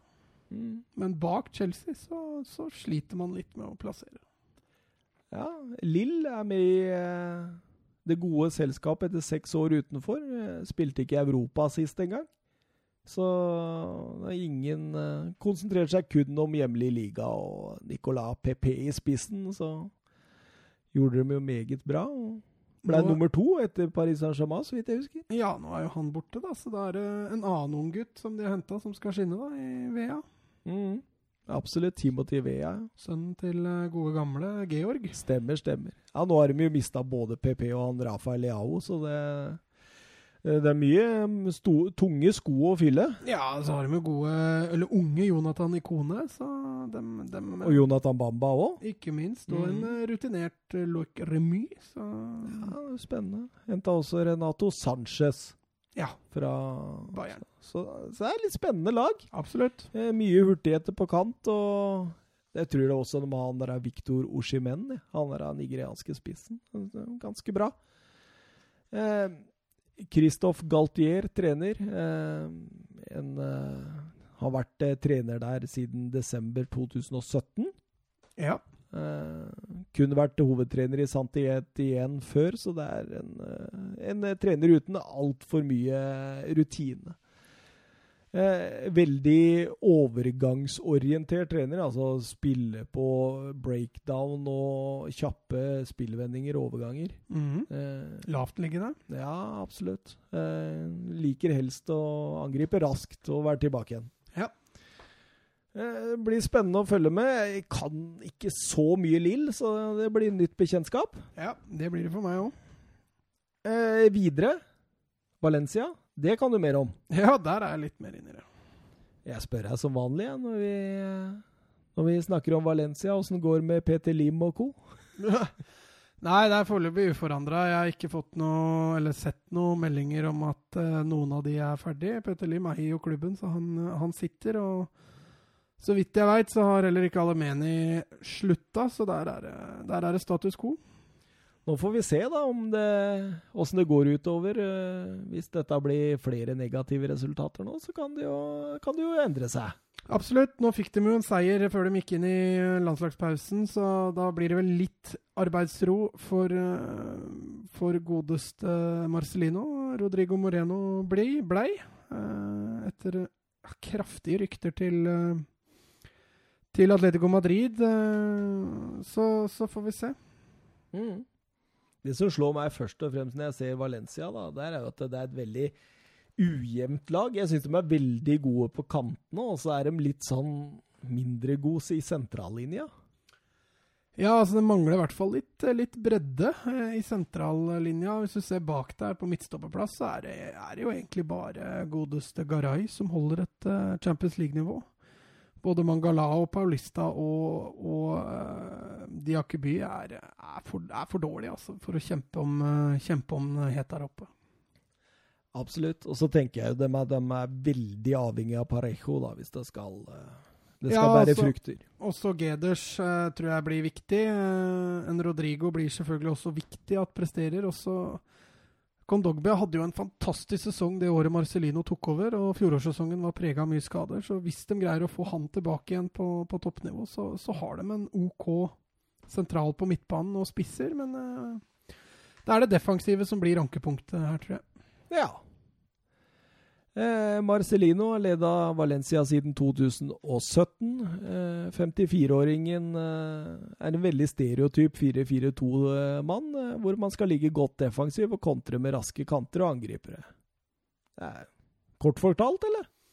Ja, altså han har egentlig et ganske defensivt fokus til å ha såpass svake forsvarsspillere, egentlig. Um, noe som kanskje er en nødvendighet når du, når du ikke kan, uh, kan stille sterkere bak der. Så, så er jeg litt delt i forhold til måten han ønsker å spille på. Uh, mulig det er det eneste riktige, mulig han har noen andre alternativer. Men uh, foreløpig så har det båret frukter, i hvert fall. To Mm. fjerdeplasser på rad er, uh, er vel det Valencia-fansen kan forvente seg, pluss en voldsom opptur i fjor når de vant Copa del Rey. Ja. Ajax. Ja, Vunnet Champions League hele fire ganger, de. Ja, det er riktignok noen år tilbake igjen, men Ja, 95. Patrick Mhm. Kloifert senka AC Milan. ja, jeg har sett, uh, sett litt på historien til Ajax og det, de, det laget de hadde der, altså. Fytte, fytte rakkeren med, med Sedorf og Davids og van de Sar og Jari Littmann og Patrick Loifert og Danny Blind og Oi, oi, og Ruud Gullit var til og med der. Det var eh, Nei, det var makeløst, det, det laget de stilte på den, den tida. Og ikke så rart at de, de vinner med et sånt eh, arsenal av fotballspillere. Tror du de har kommet seg etter semifinaletapet mot Tottenham i fjor? Ja, Mm. det, det tror jeg. At de nådde semifinalen var en stor bonus. Eh, De har tjent grove penger, både på, de, både på premiepengene de fikk for å gjøre det, men også på spillersalg de har gjort på grunn av det, så Ja, det er bare to stykker også som har gått. Resten har blitt. Ja, Zair Siert skrev til og med en ny kontrakt med Ja. en større utkjøpsklausul, så da, da blir han foreløpig. Ja, Donny van den Beik er eh, fortsatt der, og Tadic og Neres og Nei, dette lover bra. Ja. Eh, kan jo være at uh, Erik Ten Hag ble, at det var ganske utslagsgivende for en del av dem. Ja, så har de jo fått inn en meget spennende Lisandro Martinez. Uh, må jo si det at han eh, har starta meget solid og ja, kan være forskjellen på, på et avansement og ikke. Og så har de også fått inn Quincy Promes fra, fra Sevilla. Ja, kan det. være et meget Ligger meget i mellomrommet der, han. Mm Mhm. meget hurtig spiller. Absolutt. Eh, vi hopper videre til Chelsea, vi altså. Vinner av Europa League sist sesong. Nå da har de tatt den fjerde engelske plassen fra Manchester United og skal spille i det gjeveste selskapet igjen. Har deltatt i 15 av de siste 17 Champions League-utgavene. Det må jo sies å være imponerende med tanke på den konkurransen det er i Premier League der om de plassene. Ja, dem, eh, altså hvis du ser over de 17 siste åra, så er det vel ingen engelske lag som har flere deltakelser enn eh, Chelsea. Nei, det tror jeg ikke det er. det. Arsenal hadde jo mange år på rad, men nå har det vært noen år uten. Så, Da har det vært noen år uten, ja. så da er det vel Chelsea som er det, sånn sett det mest stabile. overgangsnekt og alt dette her har vi jo snakka i huet og Ja. Mm. Så det er bare å spole tilbake til andre episoder hvis dere vil høre om det. Um, ja Blir jo tvunget da til å bruke disse. Abraham, Tomori, eh, Mount, eh, Callum Hudson og Doy når han kommer etter hvert. Det er, det er mye godt ungt, da. Det skal sies. Ja, altså den overgangsnekten tjener disse unggutta veldig på. Eh, og en Frank Lampard som overhodet ikke er redd for å Bruke dem. Redd for å bruke dem. og mm, Dette tror jeg Chelsea vil tjene på i det lange løp. Eh, At de havner uten topp fire i år, det, det føler jeg meg egentlig litt trygg på. At eh, de De er ikke blant uh, favorittene til å vinne Champions League heller, men, eh, men hvis du ser på det laget her, hvis de greier å beholde disse gutta to-tre år framover i tid, så kan det bli knallbra. Altså. Skal vi uh, satse på en liten, uh, liten tips der òg? Ja. Mm, skal vi sette Lill nederst? Ja. Og så Ajax? Ah, Den er litt tøff. Jeg vurderte også å sette Valencia der, men uh, greit, vi kan sette Ajax. Ajax, Valencia, Chelsea? Ja. Ok, da gjør vi det. Chelsea vinner altså gruppe H. Ja. Selv om det er mye spørsmålstegn, men det er spørsmålstegn rundt alle disse, syns jeg. Ja. Eh, Det begynner å lakke og li, Mats. Skal vi bare rett og slett hoppe over til eh, episodens talent, eller skal vi diskutere litt eh, i forhold til eh, klare favoritter til å ta hele Champions League og outsidere? Ja, vi kan jo først ta lyttespørsmåla, da. Ja, det kan vi gjøre. Jeg har gått tom for batteri på telefonen, eh, så jeg får Ja, ikke sjekka det. For nå, altså fra Glenn lurer på hvilke lag som går videre fra gruppespill i Champions League. Det har vi jo for så vidt eh, besvart. Det har vi jo det, så det er bare å høre gjennom hele to timer og 21 minutter, Glenn. Så Jørgen, eh, be ready. Han eh, lurer på hvem som blir toppskårer i Champions League, og hvorfor det blir Higuain. det blir ikke Higuain, Jørgen. Nei, men uh, vi kan jo ta spørsmålet litt, da. Hva skal til? Altså hvorfor, hvis Higuain hadde blitt toppskårer, hvorfor hadde det blitt han? Nei, det er jo fordi han koser seg med en Stix eller to før hver kamp, da. Ja, altså jeg tenker jo at det, For det første så ser jo Higuain litt lettere ut. Det Ja, var han vi jo enige om. Ja. Eh, men altså jeg Han dro enig, jo av Kolobali der, så Ja. det sang i forrige serierunde. Eh, sånn at, altså Jeg er helt enig med deg, han blir ikke toppskårer. men, men hvis han skulle blitt det altså Han er jo en notorisk måltyv. Mm. Når han er i form, så går det knapt nok en kamp uten at han skårer. Og så kan man kanskje håpe at eh, Messi sin skade varer mye lenger, og Ronaldo får noe illebefinnende og sånn. At eh, det går hans vei. Harry Kane til ankeren og uh, Salah Ja, Salah tror jeg ikke klarer det uansett, det, altså. Tror du ikke? Nei. Ja, han har potensialet. Ja, men uh, Aguero. Ja, jeg tror mer på Aguero. Stirling. Ja, ja, at det kan bli en City-spiller, det er i hvert fall ikke ut, utenkelig. Men eh, Nei, den er vanskelig. Haaland. Haaland blir ikke. Ikke Haaland? Nei. Sikker? Sander Berge, kanskje. Nei, hvis jeg må si én, da sier jeg Ronaldo, jeg, faktisk. Lewandowski. Skal uh, Ja Favoritter? Jeg har vel egentlig sagt mine to største. Jeg tror Liverpool eller City tar det. Når det gjelder outsidere, så finnes det ganske mange. Du har Tottenham fra England, du har Barcelona, Real Madrid fra, og Atletico Madrid fra, fra Spania. Så har, du, så har du Bayern München fra Tyskland. Det er vel de største outsiderne. Ja, jeg har tre klare favoritter, jeg, da. Det er jeg helt sikker på at vinneren kommer til å stå mellom en av disse tre. Og det er Manchester City, det er Juventus, og det er Bayern München. Ja. Og det er litt morsomt, fordi jeg eh, tror jo ikke Juventus vinner Serie A. Nei, men du tror de kjemper om Champions League? Mm. Ja. Så det blir veldig spennende. Så bare mark, mark my words der, altså. ja. Nei, det er merka. Vi skal skrive det når du henger det på tavla. Skal vi gå raskt igjennom vår eh, episodens talent, så kanskje vi rekker det under to og en halv time her. ja.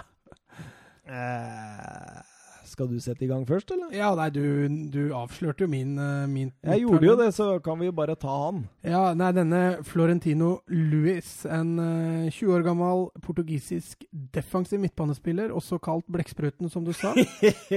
det må være bare så Åh, for deg når jeg sitter der og greier ut. Eh, han, eh, han blir sammenligna både med Claude Makelele og Sergio Busquets. Uh, Busquets også kalt Blekkspruten pga. lange armer og bein og flink til å plukke opp.